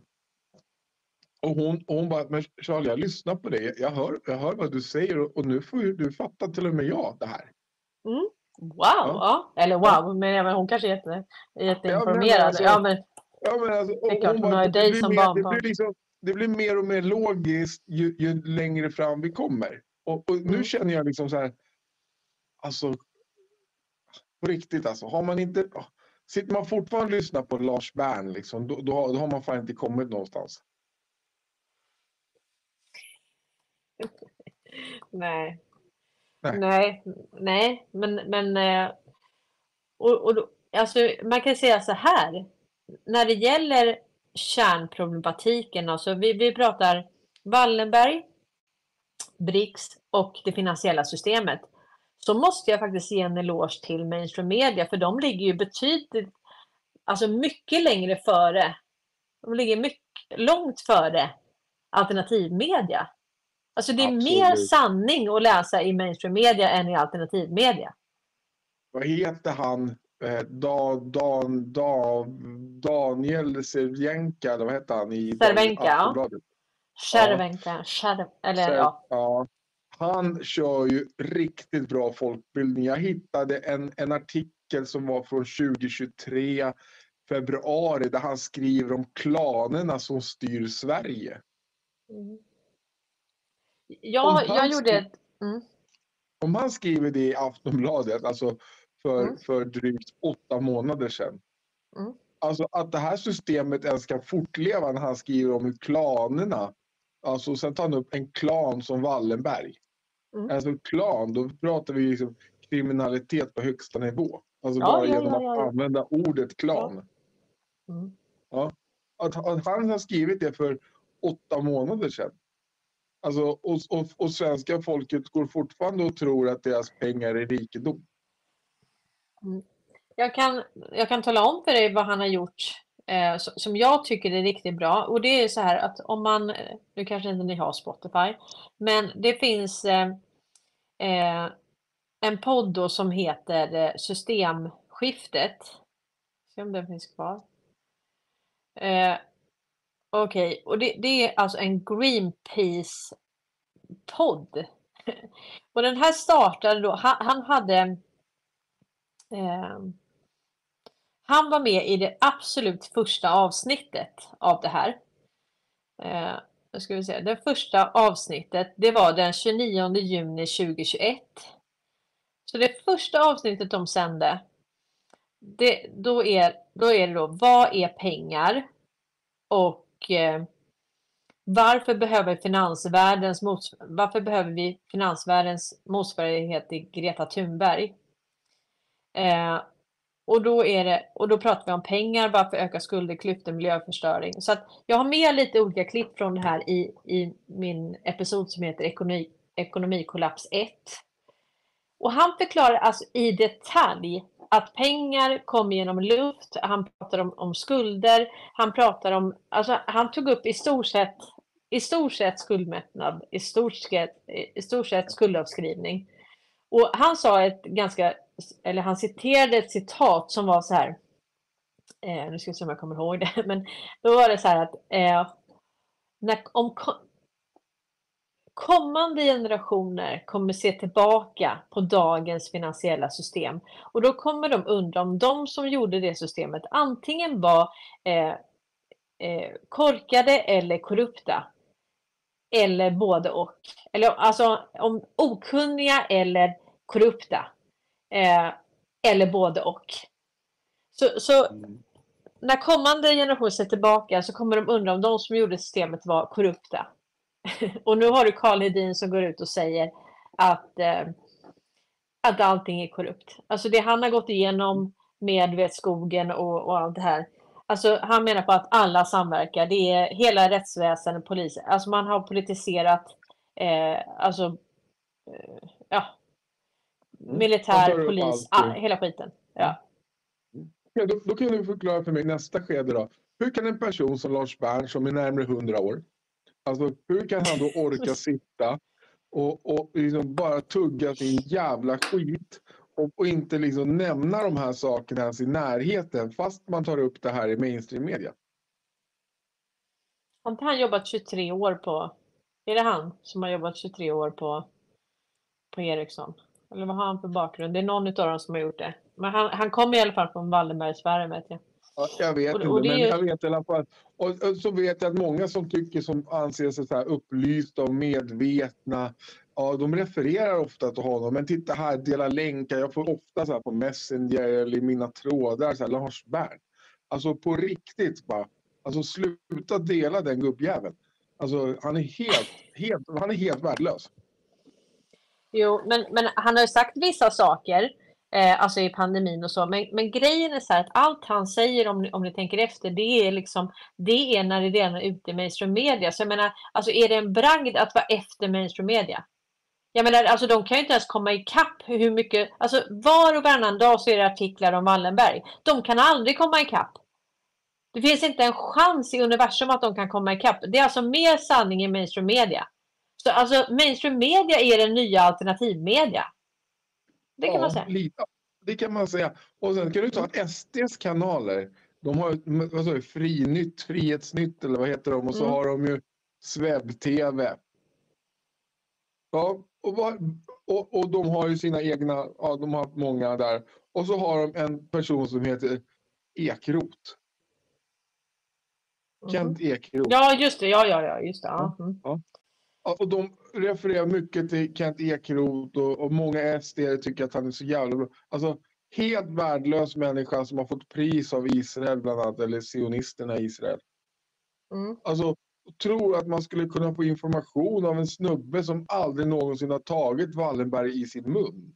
Alltså, alltså Sickan, alltså Dynamit-Harry, alltså de skådespelarna har gjort mer för folkbildningen än vad, än vad en hyllad SD har gjort. Liksom. Mm. Menar, det säger väl lite grann om liksom, SDs kuliss i det här i det hela. Liksom. Men nu tycker jag liksom, för en gång skulle vi river det här med, med SD att det skulle kunna vara någonting vettigt överhuvudtaget. Mm. Att, det Och, liksom alltså- bara, att, att folk bara kan släppa det. Alltså vet du vad jag tycker är så befriande? Det, det är den här, alltså Eldtalk, han, eh, vad heter han? Han som kör Eldtalk. Ja, han och sen har du Deep State, eh, Sweden, S. Eh, Ossian. Ja, Eh, ja, och- och- så du har så här. och, och vet du varför jag älskar det där? Eh, ja, även Anders Nordström, han gjorde en ny här om, om eh, ny video om kungen nu. Alltså den, den är, bara slår alla, alla rekord alltså. Eh, och jag älskar det för att Alltså du vet 2017 så startade jag ju liksom mitt företag mot, mot finansbranschen där jag skulle göra intervjuer med börs för att hålla deras aktieägare uppdaterade. Och då var det också så här, i finansbranschen då så var det så här att de som gjorde intervjuer, det var typ eh, eh, ja, men aktiespararna och så här, då skulle man sitta nästan i så här, du vet fina fåtöljer och prata liksom långsamt och så. Och du vet, och då, då gjorde jag istället så att jag intervjuade dem på kontoret live så här över internet. Så det kunde du vet komma in någon, det kunde ringa något, alltså det var verkligen live liksom. Känslan var live. Och, och det där fick jag jättemycket från början, för det, för det skulle ju vara så himla propert. Åh, du intervjuar en börs-VD, då ska det vara liksom, eh, man hade inte kommit dit. Så, så vad de här gör, de, de här yngre grabbarna, liksom, det är att de, de knäcker Ja, ja, men även han eh, Bilderberggruppen, han kör sina, du kör dina och så. Alltså jag älskar det, här, du vet man slänger upp en kamera ja, på väg till jobbet liksom. Ja men tjabba, tjena, det här är, eller du i bilen liksom. För, för att det, den där liksom föreställningen om att det måste vara så himla tillrättalagt, det måste vara ordning liksom, och reda och nu ska man då... Nej, det, alltså det, det är bara liksom fuck that alltså. Så, så jag, det, det, det verkliga livet. Och jag tänker mig också, liksom, fast vi ska bara få köra lite mer när det bara får hetta till rejält. Lite mer utifrån stan. Bara ta, Ja. pulsen, på, ta pulsen på svenskar. Bara så här, Hörru, vet ni vad som händer där nere? Vet ni varför det är så här? Så ska de få Ja. prata helt fritt utan att man lägger in någonting. Och sen kan man resonera och diskutera kring varför de hade den åsikten de hade efteråt. mm. Mm. Och då får man liksom så här, då, alltså, vi måste utveckla oss. Liksom. Vi måste komma vidare. Vi kan inte liksom stå, om vi, även om man tycker så här, kasta in en hel elefant i rummet, du kan inte svälja den. Nej men vad fan alltså, vi har ju haft alltså, tänk dig Kalle Norberg, han har hållit på med det här sedan 2008. Alltså Mm. killen måste ju fan få ta pension någon gång. Alltså. Ja, nej, nej, nej. Han har ju... Han har, han, har, han, har, han har skrivit på ett avtal där han har fått berätta vad han, hur han ser sin roll kommande åren. ja, Så jo, att, men eh, absolut. Jag fattar också att det finns större planer än så. Men, men jag menar på att hålla på och traggla det här äh, dag ut och dag in. Alltså, det, det, vi måste liksom komma vidare. Vi måste få upp ett, ett, ett system som gör att vi kan komma vidare. Och det har vi nu från den 1 januari 2024 ju med Utbetalningsmyndigheten. Vi hoppas på att det bara får ticka in lite pengar på kontot då. Nej, du behöver inga, jag behöver, du behöver inga. Men du, jag tänkte på det här faktiskt. Eh, alltså vi, vi pratar om det här, du vet, man ska sparka eh, 2000 där, man ska sparka 5000 där, Klarna, man ska sparka folk, sparka folk. Okej. Jag tänker så här, du vet, alltså man byggde upp ett system. Höra din, dina tankar kring det här. Man byggde upp ett system innan, alltså när jag växte upp så fick man ett jobb. Alltså det fanns jobb. Alltså det, det var bara liksom, det fanns jobb. Ja. Nu är det så här, vissa har liksom pluggat sju år på universitetet, så här, aldrig jobbat, du vet, får inga jobb. Så att, alltså det här att, att hamna mellan stolarna, eh, alltså det- det känns som att det är väldigt många stolar och det känns som att, alltså, att det är väldigt lätt. Eh, alltså det räcker med, som mig då, vara företagare, skapa jobb åt andra. Sen kommer pandemin, allting tvär- tvärdör och då har du inga, inget skyddsnät, inga rättigheter, du har inte rätt till någonting. Och sen har du liksom, du vet, ja men periodisera pengar, du har fördelat. Eh, så att alltså jag tänker på det här att om vi nu ska rensa upp, ja men säg att du måste ta bort, du måste ta bort mängder med tjänstemän, du måste ta bort myndigheter. Vad ska alla de här människorna dra liksom? Och då måste du ha någon form av bottennivå så att säga. Alltså du måste ha som en, som en, ja, en utbetalningsmyndighet som ger pengar för, för att liksom, vi kan inte ha att så många tjänstemän typ, eller andra också, hamnar på gatan. Nej, Alltså det måste blir- finnas det skyddsnät. Alltså, absolut. Och det, och det har ju inte att göra med att, att, det ska, att människor... Alltså det har att göra med att du är född på jorden. Alltså tycker jag. Mm. Alltså, det, det börjar med när du föds. Ja, när du föds på jorden då finns det en plan för dig. Ditt uppdrag på jorden är inte att gå runt och skapa egen nytta. Ditt uppdrag är att samverka och integrera med andra människor. Du ska kunna må bra samtidigt som att du hjälper andra människor att må bra. Mm. Mm. Och där någonstans börjar det. Och utbetalningen och utbetalningsmyndigheten börjar ju redan när du är född på jorden. Att, alltså ja, du, du kostar så här mycket. Du måste ha så här mycket betalt för att överleva eftersom att vi har valt att ha det här systemet med betalningar. Mm. Och där någonstans börjar det. Eh, och sen kan du kalla det liksom vad, vad du vill.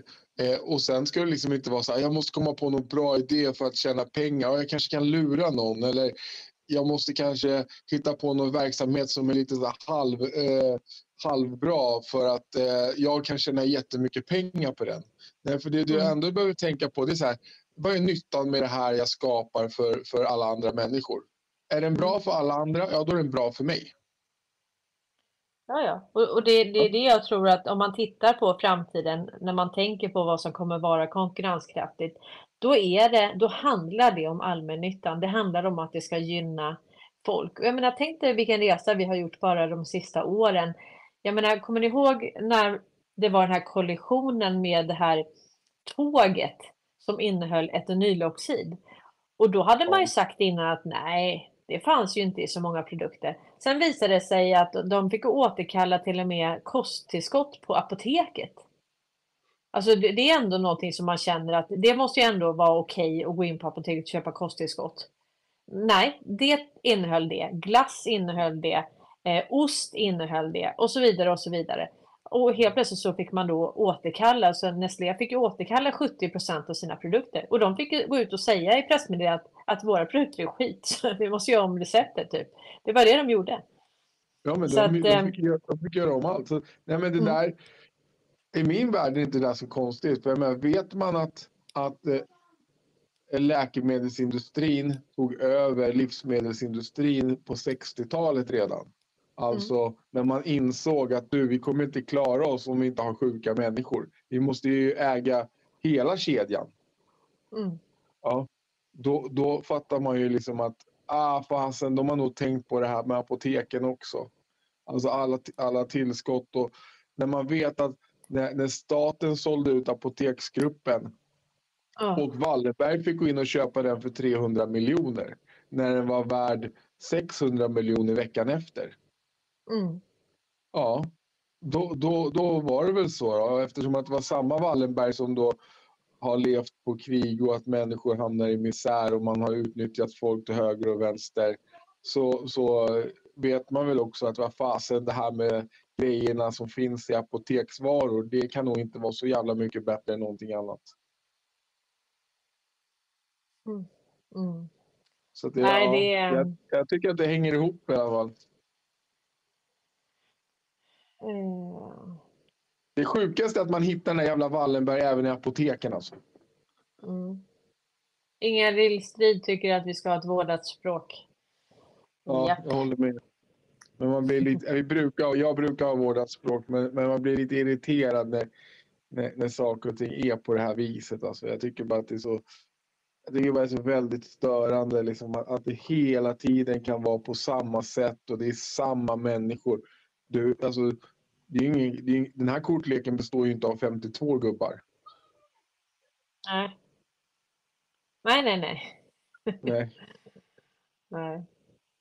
Nej, det är samma, samma. Men... Eh, mm.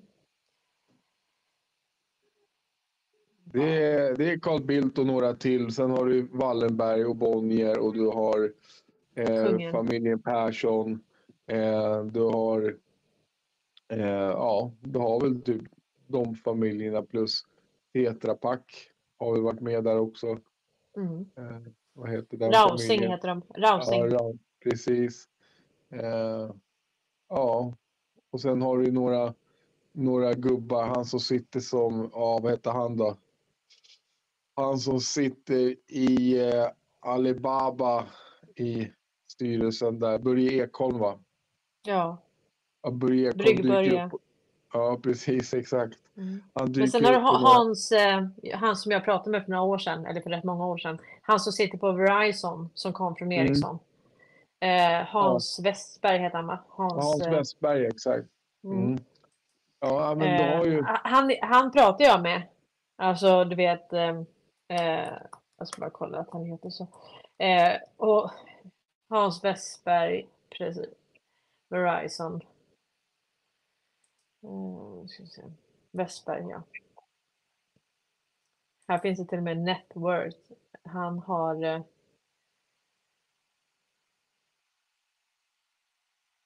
29,4 miljoner dollar. Ja, han har runt 3, 350 miljoner dollar. Ja, det är inte så miljoner kronor menar du?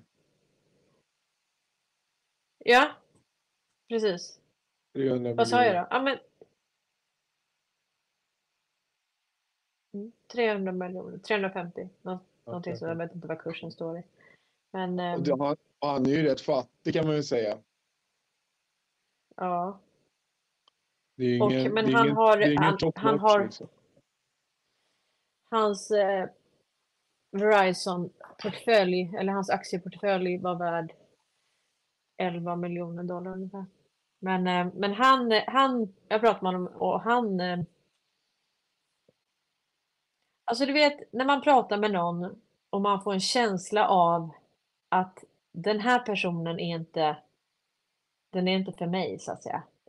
Och jag pratade med, jag hade ju en sittning med eh, Göran Strand, G Strand. Mm. Och då mm. hade han ju också varit i kontakt då med, eh, han satt ju som produktion och eh, inköpschef på ett stort eh, sminkbolag. Och då hade han kontakt med Business Sweden och, och, det är också, och även här Sweden Abroad och så. Och, och, det är samma sak där, att, att de, de är ingenting annat eh, liksom, än lobbyister åt, åt Wallenberg. Det är inte tanken att de ska hjälpa vanliga företag, alltså att göra affärer. Utan det där är och, och det där är ändå skattemedel. Man, man får intryck av att, det, att vi har liksom eh, vi har alla de här, vi har Almi och alla de här. Vi tänker att ja, men det här är verkligen till för. Men alltså det, det, det är pinpointat från början till slut. Det, det, är inte meningen att vem som helst ska kunna få tillgång till de pengarna. Liksom. Eller, eller det stödet eller de kontakterna. De är inte till för oss. Men... Alltså det, det, de, alltså Wallenberg har haft lite olika säljstyrkor. De har haft alla de här ambassadörerna, politikerna, kungen som har då åkt och sålt deras skit. Och sen har de då, ja nu, nu skit det kan vara ett negativt ord då. Inga, jag ska, ja, säljer deras grejer då. Och äh, agerar lobbyister åt dem. Ja. Och sen har vi då eh, mutmotorn då, det är ju Sida-pengarna då. Så då går man in och mm. mutar i landet för att få in företagsintressena. Och då har du alla de här NGO som håller på med, jag menar vad gör MSB i Afghanistan med att lära, lära Afghan, Afghanistan eh, offentlig upphandling? Alltså vad är det? Eller liksom, vad gör Carl Bildt och ska lära läxa upp eh, Ukraina om demokrati. Ja, men hur, väl, hur väl gick det med deras demokrati efter 2014? Oh. Nej, men du har rätt. Men jag, jag sålde babygrejer en gång i tiden eh, och då hade jag solskyddskläder. Jag var bland annat jag var väldigt tidigt ute på marknaden med solskyddskläder. Mm. Eh, och då tänkte vi så här, men det gick ju jättebra att sälja i Sverige, så ska vi sälja till Finland så tog vi kontakt med Svensk-finska handelskammaren eller vad de heter. Mm. Ja, och så tänkte vi så här, men de kan hjälpa oss att sätta oss i kontakt med eh, finska företag eftersom att eh, det är väl det de är till för. Mm. Ja, hur, många, hur många finska företag fick vi ut från dem tror du? Nej, nej, nej, nej. Och det är samma sak med den här mm. Business Sweden och, och, Sweden Abroad och allt det här. Eh, ja, precis. Och, och då fick vi reda på att Handelskammarnas handelskammare, där sitter ju Wallenberg ju. Så att det är mm. självklart, nej, de är inte till, de är inte till för, för dig och mig eller, eller våra små företag. De har inga, nej, nej, nej, det här, det här är riggat alltså. Ja, ja, alltså, och det märker vi ju. Liksom, det var ju samma sak när jag skulle sälja barnvagnar till babyproffsen Eh, och det var så här bara, men nej, vi, vi, har, vi jobbar med våra märken. Jaha, och det gör ni? Ja. Ja, men vi kan vi kolla på den här? Nej, vi kan inte kolla på det där. Nej. Mm. Alltså, det är alltså, det är alltså riggat från högsta till lägsta nivå. Du kan inte bara komma och tro att du kan ge någonting som du tycker är bra eller andra skulle tycka är bra och uppskatta. Det här är alltså riggat redan från början vem det är som ska tjäna pengar.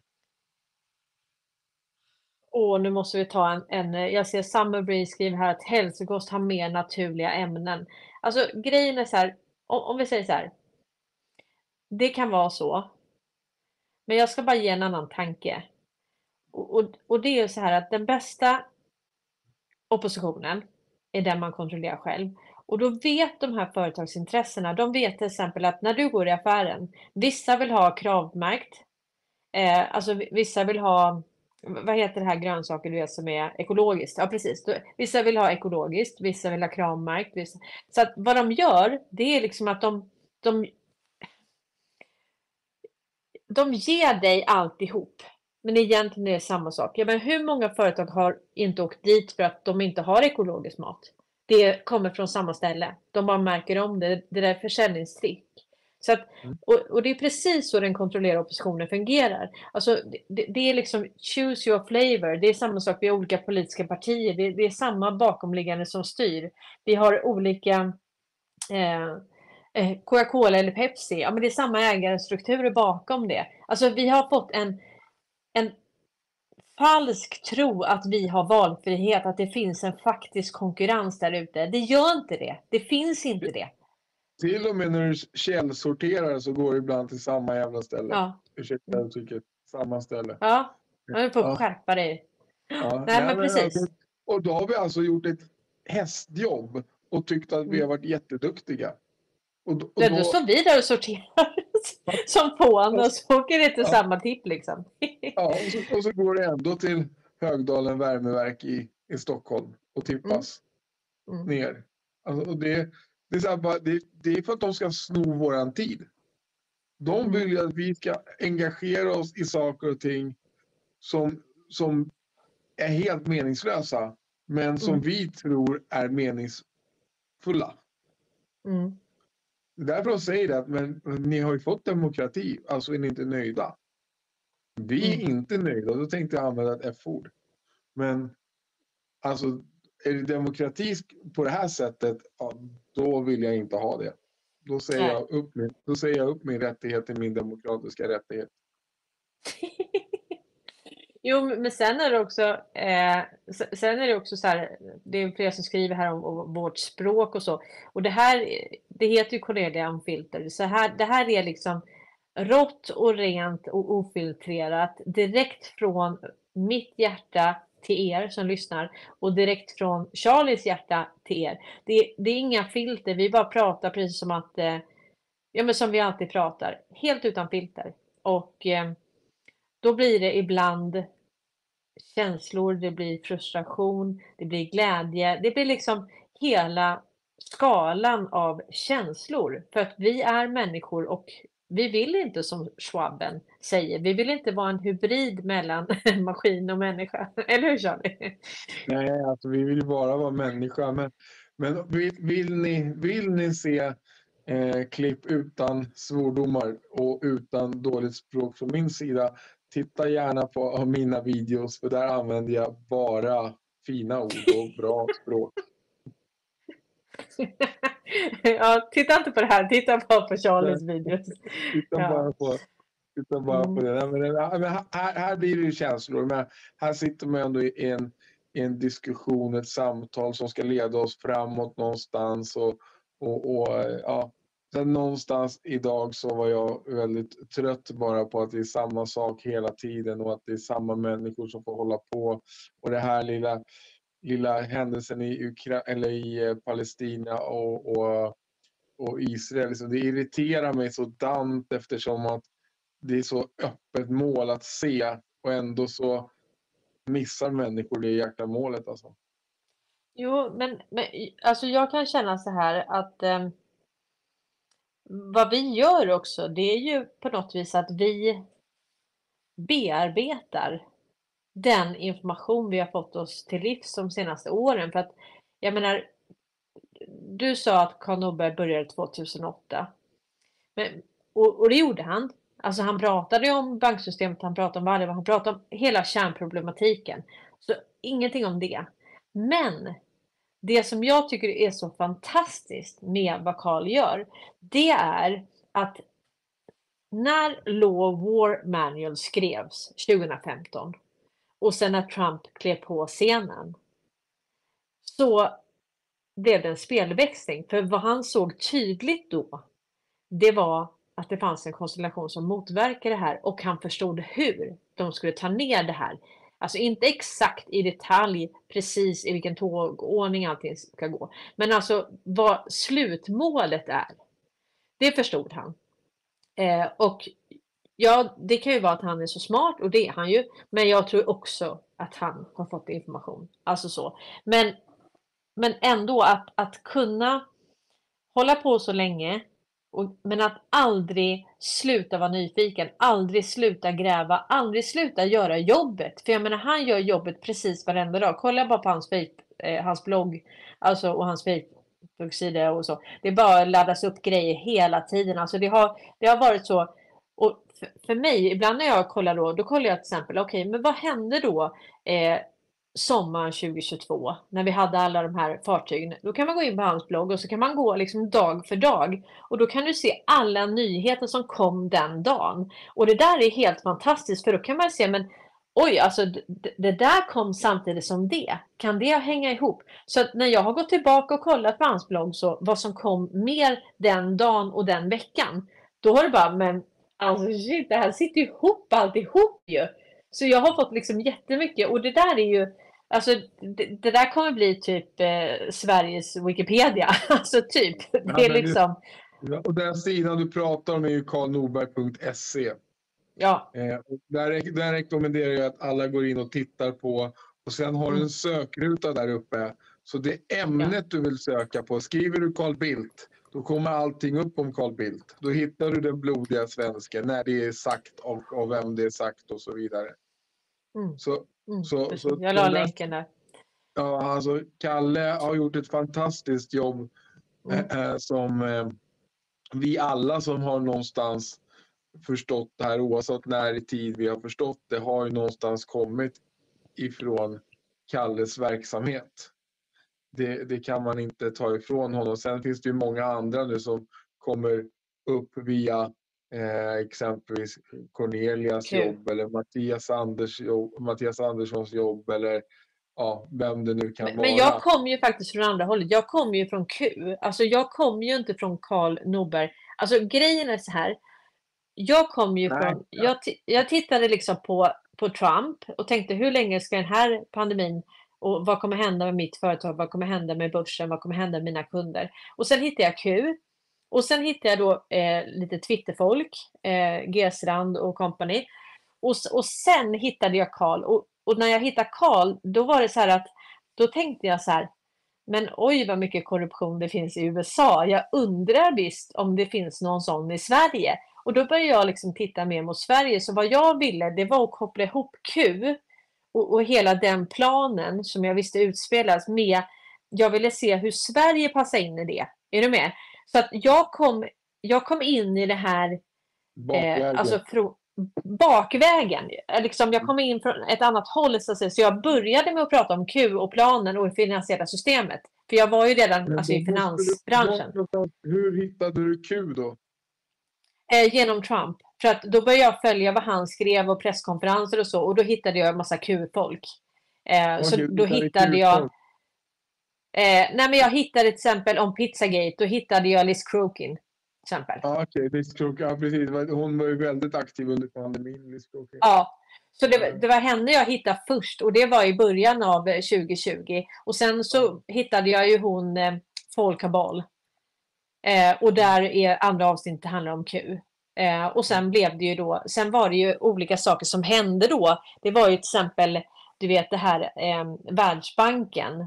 Om man gick in på deras hemsida så kunde man ju se att bland annat det fanns en lista på alla länder som hade le- levererat sådana här covid-19 testkits redan 2017-2018. Eh, och då var vi ju, alltså, då var vi ju så många miljoner från hela världen som var inne på de här sidorna och då hittade vi ju eh, i exportregistret att Sverige hade levererat då. Det var ett av de länderna som hade levererat det här.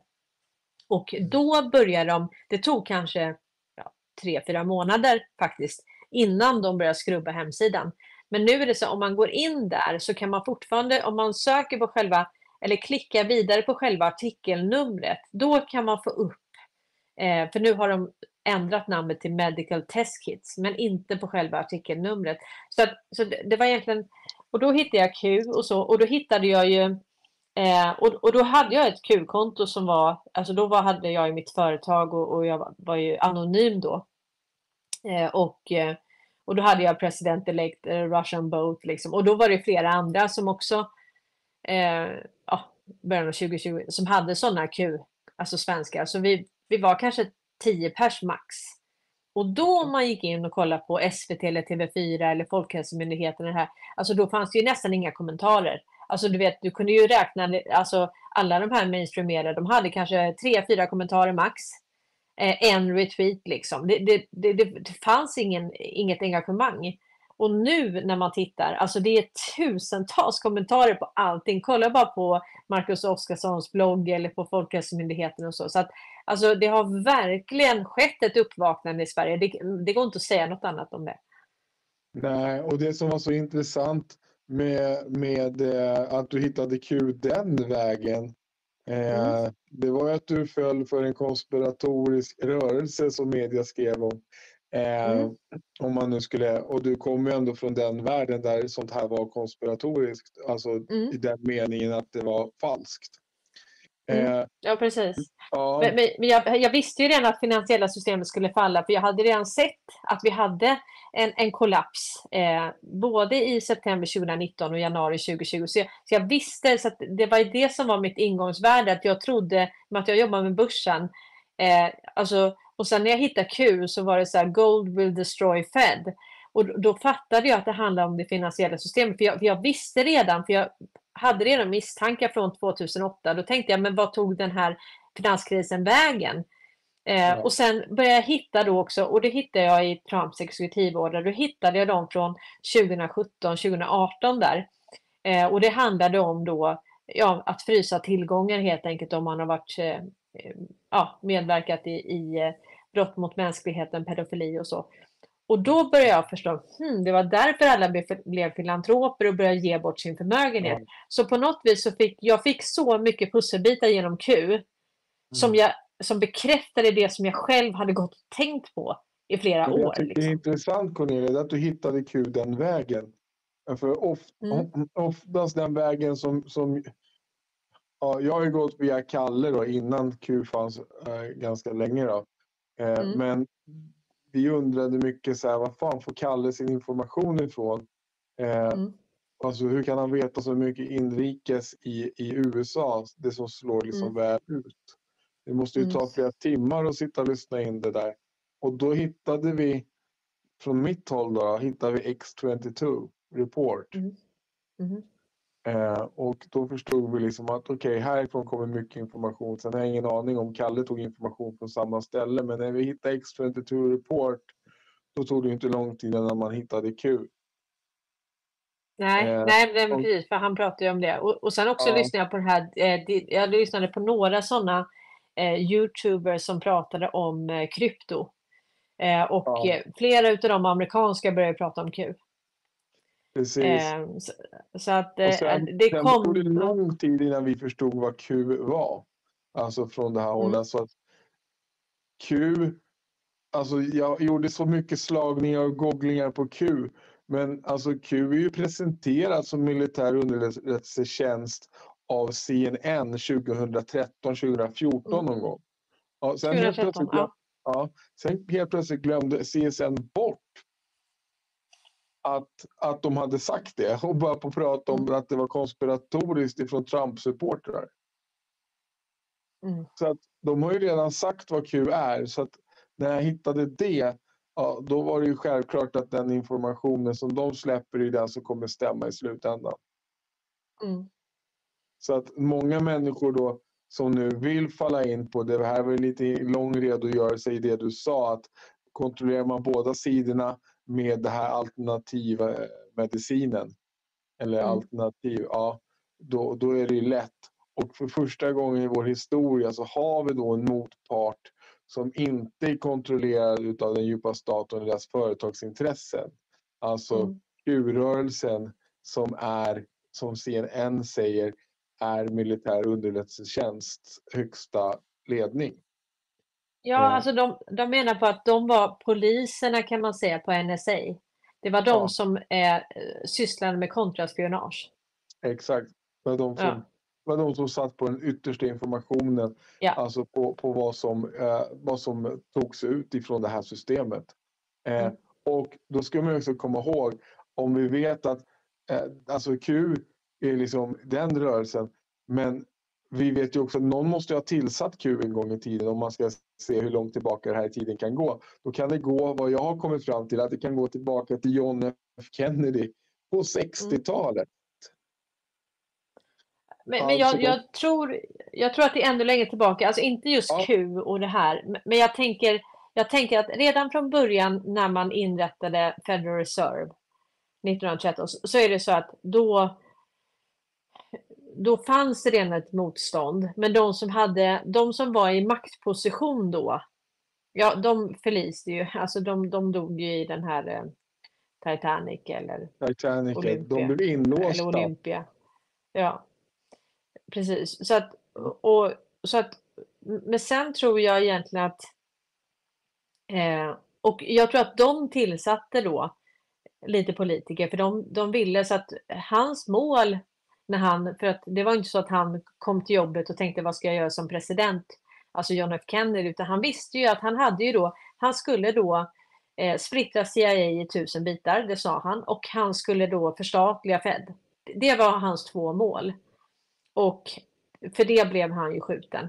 Och sen tror jag mer att, att det blev så här, okej okay, vi får vara lite försiktigare, vi, vi måste verkligen ha ett organiserat. Så efter det, då tror jag att man har börjat då med den här infiltrationen och, och insamlingen av, av bevis och eh, ja, egentligen eh, och, och sen är det då eh, Looking Glass och de här kvantdatorerna som, som blev liksom den yttersta, alltså hur man, hur man skulle spela ut det här globalt. För men du får tänka på det här globalt brottssyndikat med kontroll på all informationshantering. Absolut, och det som John F Kennedy-mordet också gjorde, det var att man började ju med eh, den här eh, vittnesskyddsverksamheten. Mm. Ja, det var jag tror i alla fall. Alltså att efter mordet på John F Kennedy som du säger, man, man var tvungen att iaktta försiktighet. Personer som var systemviktiga, som visste för mycket, som hade infiltrerat, de satte sig skydd. Bland annat som Michael Jackson, mm. vad jag tror, och Diana. Mm. Mm. Och, och, nu säger G. Strand här att Founding Fathers visste nog vilka svenskarna var och motverkade det. Så att redan när, när, när USA blev ett land så hade man, man skrev hela eh, självständighetsförklaringen utifrån eh, alla omfall och utfall som man kunde tänka sig. Och då hade man redan koll på eh, de här, den här ja. konstellationen. Det, ja, det, det, det, det, köper jag också till 100 procent. Alltså, mm. Amerikansk, alltså vad ska man säga, alltså deras, vad heter det, deras, eh, vad, är, vad är det man följer där borta, vad heter det? Konstitutionen. Ja, konstitutionslagarna, precis.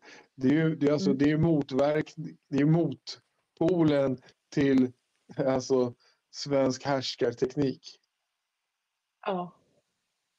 Det är och nu alltså, kom min katt. Mm. Ja. Ja, så att, nej, håller jag med om. Att, alltså, jag tror också att konstitutionslagarna är skrivna emot alltså, europeisk härskarteknik eh, där man då ska... Nej, det, det ja. var ju svenskar där. Du vet, alltså det, det, det, det kom in en amerikan i, i ett, eh, i ett eftersnack. Eh, och, och då är det så här liksom att bara det att, att Sverige har varit där och eh, huserat liksom innan USA ens blev ett land. Alltså du har ju alla de här... Eh, ja. Det, det, det är helt och är det inte helt mm. magiskt också? När, skrev, när, när upprättades amerikansk konstitution? Vilken, vilken, eh, vilket år? Ja, men det, det är ju den eh, som de alltid säger. Deras eh, som, som inte... Eh... 1871, 76? Nej. nej. ja, men det som... Ja, men det vet vi ju. 1776 kanske? Nej. Ja, Nej. precis. Eller hur? Det är 1700 någonting där. 1776 är det. 1776, ja precis. Mm. Men det här kan vi grotta vidare i sen i alla fall. Mellan åren 1850 till 1920 så skeppade man över 4 miljoner svenskar och då kan man fråga sig vad det är för att krossa den amerikanska konstitutionen och då införa det som blev eh, dagens USA med att man ha, hade eh, Washington som ett eget, eget land. Liksom. Mm. Mm. Eh. Så, att, så att, alltså, den djupa statens motdrag, alltså Sveriges motdrag var att skapa flyktingströmmar till USA för att krossa det de nu satte upp där borta. Eh, 1700... 76. 76. Varför står det 1789 här då? Kan det vara 1789? Jag är skitdålig på årtal där. Nej, men alltså nej. Det är ju 1776. Ja, precis. Det, det är... Varför står det? Här står det 1787. Ratificerat 1788. Ja. Nej, men det är 1776 det är det. Ja, jag också. Ja, 1776 det som kom upp i mitt huvud i alla fall. Men, men, men oavsett vad så, det där borde man kunna gräva vidare i. Det där tycker jag är jätteintressant information eh, med, med eh, hur svenskar har, har infiltrerat USA. Donald Trump har pekat mot svenskar i USA, svenska intressen. Eh, vi vet att eh, Biden är från Sweden. 4th of July 1776. Ja, men det var ju så. Det satt ju där bak alltså. Men eh, så kom det upp massa andra. Du ser mycket, det här var Wikipedia. Det stod tre olika årtal. Det är klart att det är 1776. Um, och då så säger ju han Derek Johnson att eh, amerikanska militären eh, stiftades ju först. Så först, hade de, så först stiftade de en militär och sen kom då ehm, eh, ja, sen eh, så gjorde man Declaration of Independence. Och då hade man ju svenskar på plats. Jag menar, det fanns ju, om du kollar på New Sweden, man hade redan varit inne eh, och skapat deras eh, rättssystem, deras första domstolar. Man hade, du vet, den här slavbörsen på ön Bartolomeo. Mm. Så att all, allt det här, alltså svenskarna har alltid gillat börser, register, eh, ja, Riksbankernas riksbank, eh, handelskammarnas handelskammare, allt sånt som är övergripande så att säga. Eh, ja, det är sånt som de gillar ju. Sen har ju alltid, alltid svenskarna gillat krig och elände för andra människor men inte för sig själva.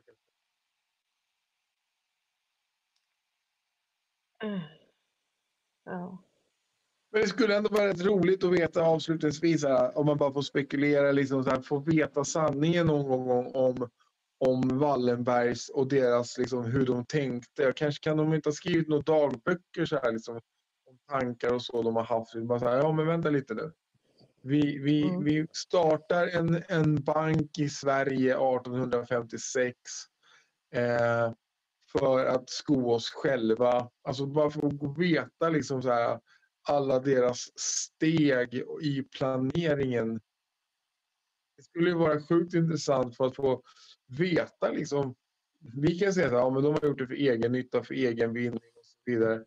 Men säg att de hade kanske en, en plan för någonting som var lite bättre än det som har blivit. Och för att sen har det kommit in så många andra tomtar och troll i det här systemet som kanske har gjort att de kanske var tvungna att vara så sjukt egennyttiga. Eller så var de sjukt egennyttiga från början. Att det var bara det som spelade roll. Mm. Mm -hmm. För att jag kan ju inte ja, tänka mig att skapa ett system med Sveriges äldsta bank. Man har världens äldsta centralbank. Sen bara så här, försöker man då inte hålla liv i det här systemet så man kan liksom ligga på toppen hela tiden så att alla människor har det.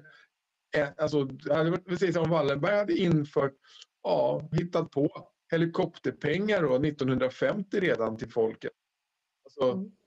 Vad är det som fick honom att inte fatta att det här systemet skulle krascha 70 år senare? Alltså det måste de ju ha vetat redan det är klart, då. Men, ja, ja, ja, det är klart. Det är klart. Men då är det någonting som har hindrat honom ifrån att införa de här pengarna till folket och hålla folk nöjda. Mm.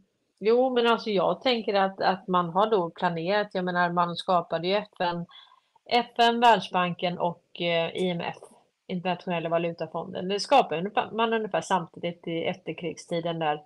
Eh, alltså 47, kan man, 48, kan, kan man, 50, Kan man 51. dra det där skapandet till Wallenberg? Ja, ja, ja, ja, ja, ja. absolut. Alltså F, FN, hur, hur knyter ihop det med Wallenberg? Jo, men alltså de, eh, ja, det får vi ta en separat sittning liksom. Eh, hur, det där har ju Kalle visat i detalj liksom på sina ja, det, föreläsningar. Det har jag missat eh, helt. Just, just, just FN. Ja, nej, det har, det har jag missat. Men alltså, jag, alltså, jag är inte dum i huvudet alltså. Jag fattar ju att allting Wallenberg, men... Ja, men jag, nej, jag, jag, vet att du inte. Jag fattar inte riktigt hur kopplingen sitter, liksom, vad, vilken, vilken topp det var han satte där för att det skulle bli precis Ja, alltså, man kan säga att, eh, att, att du har ju då eh, det som Dr. John Halper Hayes sa, alltså att vi pratar ändå om, och det som Q skriver om, Nazi World Order. Så, ja, att, så det, här är, det här är ju nazistiska ja. Eh, strukturer, nazist, och, och, där har du ju egentligen, om, om du går där bakåt, så har du ju, ja. du har ju rasbiologin och, och allt det här, du har andra världskriget.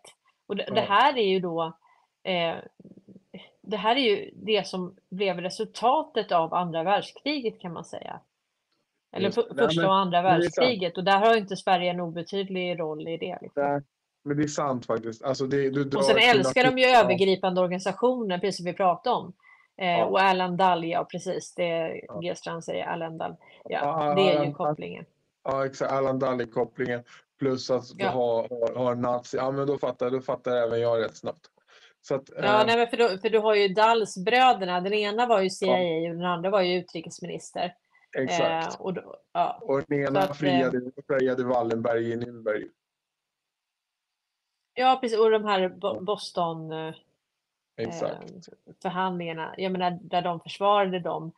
Och jag menar det var ju inte så att, alltså de nazister som skulle ha ett straff, de fick ju inget straff utan de gick ju upp i NASA, OSS Ja, som blev CIA eh, och alla de här överstatliga organisationerna. För att jag menar du får tänka på att det, det här FN, Eh, om man tittar på Romstadgan då, som var den eh, jurisdiktion, den lagstiftning som de här hade, då har du City of eh, London, eh, Washington DC och Vatikanen. Eh, och det är ju så här att om du kollar på Sveriges eh, riksdags hemsida om Romstadgan så är den 104 sidor lång och hur man ändrar i Romstadgan, vilket var innan då Trump kom in och vi fick law of war, så var ju ytterst Romstadgan vår viktigaste lag. Eh, och vad jag menar med det är att om nu brottmålsdomstolen i Haag ville eh, åtala dig, då behövde de aldrig gå genom det svenska rättssystemet eller så, utan de kunde bara, de hade direktlänk och det gjorde då att man skickade ner våra personnummer från Sverige till det här för att vi skulle kunna dömas så att säga. Så att du har en mängd länder, men USA var inte med där och Ryssland var med en sväng, men sen var de inte med där.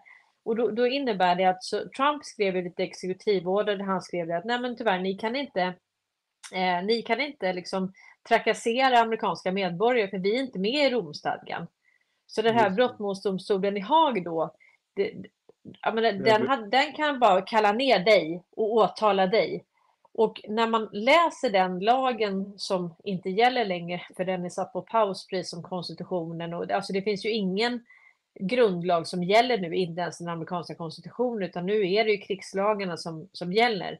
Eh, det, det är ju satt på paus alltihop. Men Romstadgan då var ju eh, det som var det läskiga med den lagen, och det är tur att den inte gäller nu, men, det var ju att du kunde då, om du ville ändra i den lagen, så kunde du göra det genom att ändra i FNs stadgar. Och FN, där har du alltid haft svenskar. Du har alltid haft svenskar på höga Absolut. positioner i alla dessa överstatliga organisationer, eller hur? Ja, precis. Absolut. Och då, ja, och då är det så, så att du kan alltså ändra den. Och, och då är det så här, de som sitter på FN, de är inte folkvalda. Nej, de Och ändå så, utsatta. så genom Agenda 21 så kontrollerar de eh, i stort sett all mark, hav, land. Ja. Så att, och, och jag menar allt det där, allt det där eh, är liksom utspelat. Så jag, kan, jag kan se en poäng med att alternativrörelsen lyfter upp de här, här sakerna. Jag bara tycker att man kan eh, för, för, för det är inte så att de här sakerna inte är sanna. Vi pratar om alla de här sakerna men det, det är, en, det är viktigt att säga att okej, vi hade det här som högsta lag. Så först var det Romstadgan, sen var det EUs lag och sen kom Sveriges grundlag. Men det, det jag tycker är viktigt det är också att belysa då att, men okej, nu finns det, det fanns, det finns en djup stat, det finns en konstellation som motverkar den djupa staten. Eh, alltså nu, innan gällde det här juridiska systemet jurisdiktion och nu gäller liksom krigslagar, vi har ett eh, globalt undantagstillstånd. Alltså att man, att man också berättar hela bilden. Och jag fattar inte de som fortfarande Ja, alltså jag fattar inte de som fortfarande försvarar och säger så här, ja men alla kan ju inte säga allt. Nej, men då kan man ju säga så, då behöver jag aldrig, då kan, jag menar du, du kan ju liksom, om, du inte berättar för din fru att du är otro, otrogen, då kan man säga nej, man behöver inte berätta allt. Nej, det behöver man inte. men, men det är ju så att om hon får reda på det så blir det, det blir inget kul liksom. För, för det är någonting som man förväntas säga. Och jag kan tycka att man förväntas säga om man har mer information. Det är bara min, alltså jag tycker inte man gör ett bra jobb annars. Nej, men alltså, det, Ja, det, paperclip men du har, skriver du, har helt, du, har helt, du har helt rätt i det. Liksom, att vi måste vara, vi måste ställa högre krav på att folk knyter ihop säcken och säger i alla fall åt vilken riktning man ska gå. Alltså för att hitta det här. För jag menar, nu, nu så kan man ju lätt tro att det är USA som är de stora skurkarna som håller på och härjar och förstör hela Mellanöstern. Liksom.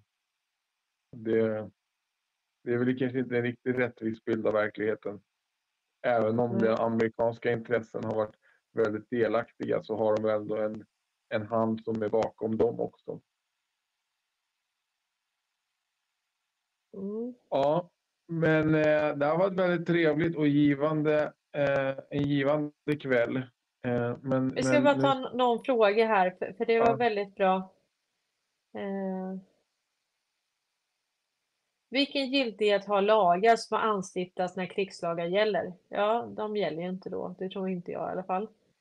Eh, Nej, alltså när krigslagar gäller, då gäller inga andra lagar. Då är det krigslagar. Eva B skriver John F Kennedy Jr har fyra barn. Den ena är väldigt lik shamanen. Intressant. Jag har också hört att han kan vara en Kennedy. Um, och sen har vi då Operation Paperclip, ja. Och det har vi tagit, jag har tagit upp det i någon video, men det kan vi ta upp igen. Eh, Britt-Marie Ek tycker att det ska vara, hon tycker det ska vara förbjudet för media att ljuga. Ja, för det blir ju, om du inte säger sanningen så, så blir det ju att du ljuger. Jag menar, det var en väldigt intressant kommentar här. Elise skriver, det fanns redan åtta presidenter innan konstitutionen skrevs. Men, men var det inte britterna? Det var väl britterna som... Ja, jag vet inte. Intressant där. Vi får gräva i det, Elise. Det. Mm. Ja. det var en sista... Ja. Jag kommer ju nog inte åt de här sen, vet du.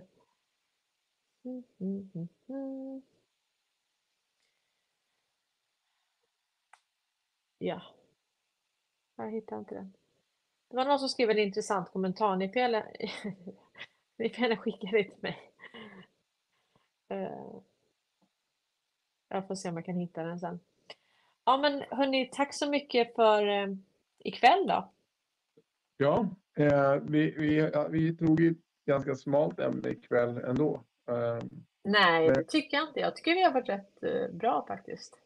Jo, men det har hänt så sjukt mycket i, i, i världen och det, det drog iväg lite mycket på den här konflikten just mellan djupa staten Israel och djupa staten i Palestina. Men jag tycker ändå vi klargjorde rätt mycket där.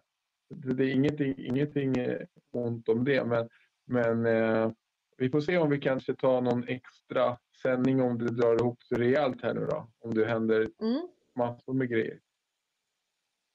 Absolut. Eh, och du kör ju dina videos. Vi ska göra så att du, du skickar dina videos till mig och sen ska jag dela in det på din vägg. så ser vi ja, om vi kan komma... Jag, kan inte, jag, kan inte, jag får inte ut dem. Det är helt, det är helt kört. Alltså det, det, står bara, den kan inte läggas upp efter ja, en halvtimmes laggning. Liksom. Så att jag, jag, får, jag får inte ut dem. Jag, jag har testat eh, långa på en kvart och jag har testat korta på två sekunder. Så att det, det är helt, helt stopp. Jag får inte ut dem alls eh, via min Facebook. Däremot ligger saker och ting ute på, på uh, Youtube. Så ni får jättegärna gå in på min eh, Youtube och eh, eh, tagga mig när ni, när ni delar det. Så får vi nog en bättre spridning på det. Och det är väldigt mycket nu om, om eh, hur vi sätter dit den djupa staten och att vi Eh, måste särskilja på intressena som, som den djupa staten har och folket och så nere i Israel och Palestina. Sen har jag gått igenom en rätt bra grej. Många händelser som hände under oktober månad. Eftersom att mm. många av våra kritiker säger så här, ja, men det hände ingenting under Rädd Oktober. Då gjorde jag ett inslag på ungefär 13 minuter där jag gick igenom allting som faktiskt hände och då hade jag ändå glömt en hel del såg efteråt. Mm. Eh, man kan säga att det är några i chatten som tycker att Lars Bern är jättebra. Ja, jag vet och, det. Var därför jag sågade honom. Ja, nej men, men Lars Bern tar ju inte upp, eh, alltså han tar inte upp om den djupa staten, han tar inte upp om att det finns en konstellation som motverkar den djupa staten. Eh, talar inte om att, att vi har ett skuldmättat finansiellt system, talar inte om att Sverige är under belägring. Eh, och Eh, nej, det, det, finns liksom ingen plan utan, utan det, det är egentligen, det följer de här kulisserna. Politiska partier är någonting att ha. Så att det, det, det, det är väl eh, eh Q har han inte ens uttalat sig om så att säga som, ett, eh, som en informationskälla så att säga. Så att, eh, men det här med Wallenberg och han har ju en bakgrund hos Wallenberg så att det finns ju en anledning varför han inte talar om eh, alltså de pratar om globalister, men de glömmer att nämna eh, en svensk oligarkglobalistfamilj som heter Wallenberg, som har alltså kontrollen på det centrala nervsystemet mm. i 184 länder, kontrollerat alla börser, kraftförsörjningen och BIS, alltså Bank of International Settlement, som är Riksbankernas riksbank. Så hela det finansiella systemet har gått i deras, på deras struktur. Eh, och som det... dessutom kallas av, av, av Cervenka i Aftonbladet kallas Wallenberg inte för finansfamilj. De kallas Nej. för klan. Mm, exakt. Så att det, det, här är... Och nej, du, du, kan lyssna på Lars Bern i tio år. Du kommer fortfarande inte förstå att det finns en djup stat, att vi har ett skuldmättat finansiellt system och det, att det är därför vi ser eh, eh, alltså många av de problemen. Vi ser hela konsumtionssamhället, vi ser invandringen. Allt det här är bara tecken på att du, du vill liksom hålla eh, liv i ekonomin. Och sen har du då BRICS och, och liksom hur BRICS slår. Så att det, jag försöker ge Lars Bern, men han säger saker som, som redan är ute. Han säger inte det innan och han adresserar inte Wallenberg eller, och han pratar inte om att det finns en motverkan mot det här globalt. Det eh, finns ett och, ord för mm. sådana som, som, som eh, honom, Lars Bern. Mm. Perfekt grindvaktare. Ja, precis. Och, och, man kan säga så här, om man inte förstår att vi är inne i en spelväxling så brukar jag säga så här. Eh, vi hade en världsvaluta, dollarn. Dollarn stod för 90 procent av all världshandel. Nu har du nästan 80 procent av jordens BNP som går till, ihop och säger att vi ska dumpa dollarn. De har ett nytt finansiellt system som är guldbackat. Det innebär att dollarn är död. Mm. Okej, okay. så den valuta... missar det här. Ja, den valuta som har stått för 90 procent av all världshandel är död. Där har du paradigmskiftet. Och den dag Lars Wern målar ut det på det här viset och förklarar precis hur de här strukturerna har kommit till, hur de samverkar med politiker, mainstream media och eh, eh underrättelsetjänsterna och hur, hur, hela det här systemet. Eh, den informationen får man inte och jag vet så här, något som jag har tänkt mycket på det är att vi som följer det här, vi följer många olika källor och vi är så himla snälla så att vi har väldigt mycket kunskap med oss så när någon säger någonting så fyller vi gärna i, i huvudet luckor. Men om vi, om vi säger att vi bara har Lars Bern som källa då, vi har inga andra källor, vi har bara Lars Bern. Inga andra källor. Och då är det vad, vad han egentligen sagt, vad han gjort för folkbildningen. Och, och där har du för att vi, vi då plockar lite här och lite där och så har vi jättemycket kunskap. Och då är vi så snälla, ja men det där var ändå bra sagt. Och så fyller vi i, så vi, vi, vi förstår inte att det ändå är alldeles för mycket som man inte säger. Man ger inte människor en, en bild av hur de här strukturerna hänger ihop så att säga. Så att det, det är min syn på det och jag menar, eh, ja, så att eh, och, och, jag menar nu, nu får du alltså mer sanning i mainstream media än vad du får i alternativmedia. Så, så att, att sitta i timmar och lyssna på det där, det, det jag plågar mig igenom för att jag vill ändå inte, jag vill inte komma med obefogad kritik. Men då och då lyssnar jag och så lägger jag ut eh, inlägg och då är det inte smutskastning utan jag ställer konkreta frågor. Hur kommer det sig Petra Agapi eller SwebTV? Som till exempel Katarina Janok satt i, SwebTV TV och sa att det värsta som kan hända och då får vi verkligen, eh, då får vi kasta in handduken som mänsklighet, det är om vi skulle få en e-krona. Och då, jag menar, då har jag erbjudit att vi ska köra en live hon och jag där vi diskuterar det finansiella systemet. Vad har hon för andra, om vi säger att du har 99 digitala pengar idag och det styrs av privata vinstmaximerande banker, den här klanen då. som på toppen sitter Wallenberg med BIS. Okej? Okay? Om du ska då ta en riksbank under folket. Ja, då, är, du, du kan ju inte liksom ta ut alla pengar i cash. Då behöver vi inte ens ha några bankkonton. Men nu pratar man om statliga bankkonton och statligt bank-id. Mm. Varför då? Ja, så, och då måste du kunna föra över de pengarna digitalt och då måste du ha en, en digital e-krona som matchar det i och med att 99% av svenska pengarna redan är elektroniska kronor, alltså e-kronor. Eh, mm. Men, men då, då, sitter de med direkt vilseledning och så konfronterar jag och så erbjuder jag att vi kan debattera då i och med att vi kommer från olika håll i det här och vi diskuterar i sak givetvis. Men det vill de inte. Varför vill de inte det? Alltså antingen är det så här va Cornelia. Antingen, antingen ljuger du eller så ljuger de. Ja, exakt. För vi säger inte ja, samma sak. Ja, precis. Och, nej, ja, och då är det så här, någon, någon av er ljuger. Och då blir det mm. ganska synliggjort om man ska sitta i en debatt och se vem det är som ljuger. Mm. Mm. Så därav anledningen till att de inte kommer ta en debatt. Det, det är helt uteslutet. Men Lars Bern pratar om djupa staten. Nej, Lars Bern pratar inte om att Wallenberg är på toppen av den djupa staten och hur, vad den djupa staten egentligen är och hur, den här, hur de här företagsintressena sitter ihop och hur de har styrt världen. Det pratar inte Lars Bern om. Han pratar inte om Wallenberg. På toppen av det här. Han nämner staten vid, vid, vid, namn. Men han, han, han nämner inga företagsintressen i djupa staten. Nej, och inte, inte hur de har vuxit fram Eh, mm. Alltså jag, jag, rekommenderar ändå att, att man tittar på Karl Norbergs föreläsningar, alltså hur det här har vuxit fram. För att, för att det finansiella system vi har och även mina ekonomikollaps, det finansiella system vi har, det är inte jättegammalt. Alltså man kan säga att det här, det här kom till eh, i den här tappningen. Du hade då 1971 då man gick av guldstandarden. Och då fick, man gick av guldmyntfoten och gick på skuldmyntfoten.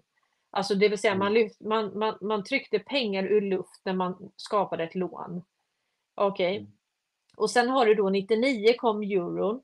2005 så bestämmer man att okej, okay, du, eh, det är inte Riksbanken utan det är bara privata banker som ska så, tillhandahålla betalningsmedlet för oss. Så att Riksbanken trycker inga pengar åt oss så att säga. Inga pengar alls, utan de har de har långt mindre än 1 procent och det är då eh, alltså fysiska sedlar och mynt. Men, men annars har eh, bankerna det. Och sen kom man då fram till att eh, G7-mötena att eh, man, en, en, bank behöver inte vara på obestånd för att kunna ta eh, kundernas bankmedel. Och vi har alltid tänkt så här, ja men vi har ju då statlig insättningsgaranti och det är ju jättebra. Men det, är ju inte, det gäller ju bara om banken går i konkurs och de kan alltså ta pengarna utan att gå i konkurs. För, för ja, det är inte absolut. ens våra pengar. Nej. Nej. Och jag menar som sagt, vi äger inte ens våra hus. Och, och, och eh, det där menar... på, på Cypern 2015 tror jag. Så att det där, är, det där finns all information ute om också.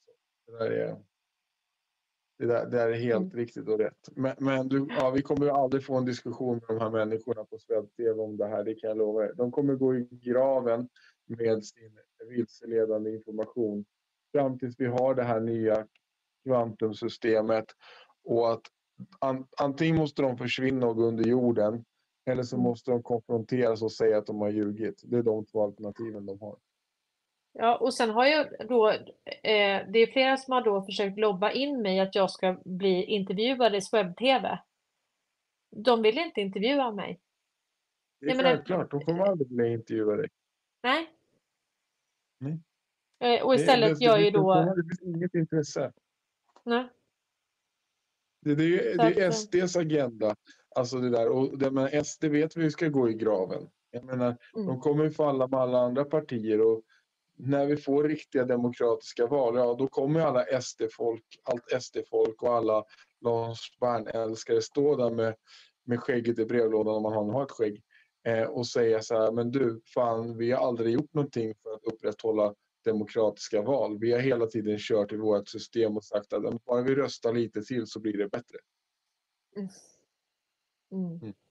Ja, nej, men vi kom ingen vart och jag, jag förstår att man, man, kan tycka om folk och så. Det, det, handlar inte om det, utan vi diskuterar i sak här. Det här handlar inte om eh, Swebb-TV, Lars Bern eller de här personerna som personer, utan det är i deras egenskap som, eh, som nyhetsankare eller opinionsbildare eller vad du nu vill säga. Och då är frågan, är det okej okay att bara säga halva sanningar?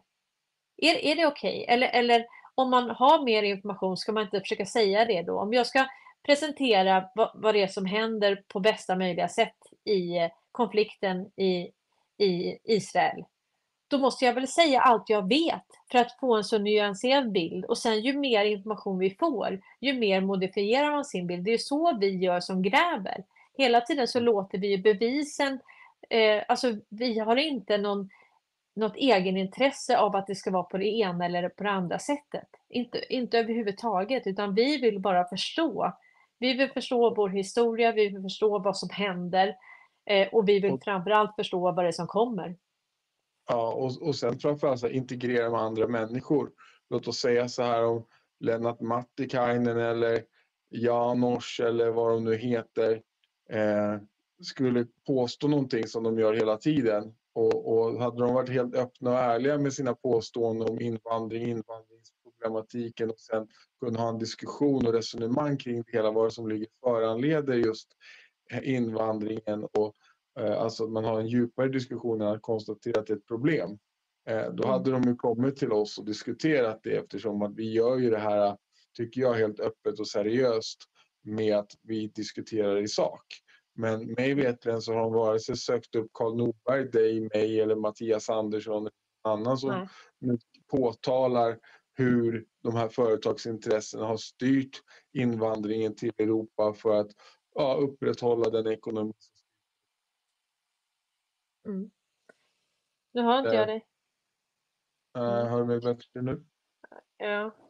Men ja. eh, Inga-Lill skriver att vi är här för att lära men inte ta ifrån vår åsikt. Nej, man får ha en åsikt. Jag får också ha en åsikt. Jag vill ha en åsikt om de som kallar sig eh, nyhetsankare och medier. Är det okej okay att de säger halvsanningar? Är, alltså ska de ge en så bra bild som möjligt? Eller är det, kan vi hålla där vid att det, alla kan inte säga allt? Och, och, man fokuserar på olika saker. Jag tycker inte att det argumentet håller. Men vi pratar ändå Avs om omvärldshändelser. Mm. Avslutningsvis skulle jag vilja säga ett citat som Jimmie Åkesson och SD använder. Där man, när man väl spottar på invandringen och inte nämner problematiken med det. Du måste väl kalla en spade för en spade ändå. Och mm. just den här, i det här fallet så är ju spaden Wallenberg som öser invandringen över Sverige för att upprätthålla den ekonomi som styr politiken som Jimmie Åkesson och SD och då Lars Bern som har jobbat åt Wallenberg. Mm. Så att han vet vad spaden är men han säger inte det. Han, han, han, han, berättar om skaftet och han berättar om eh, vilket material det är. Och, men han säger aldrig att det är en spade utan han, han bara säger delar av det. Här har vi ett, ett handtag, här har vi ett skaft och så. Mm. Så det, lite så också. funkar det. ja, ja, ja, men, men stort men, tack för ikväll då. Ja, stort tack så hörs vi vidare Cornelia och alla ja, andra. Ja, det gör vi. Ha det gott ha det nu allihopa och tack ja. för alla kommentarer. Ja. Grymt jobbat. Ciao, ciao.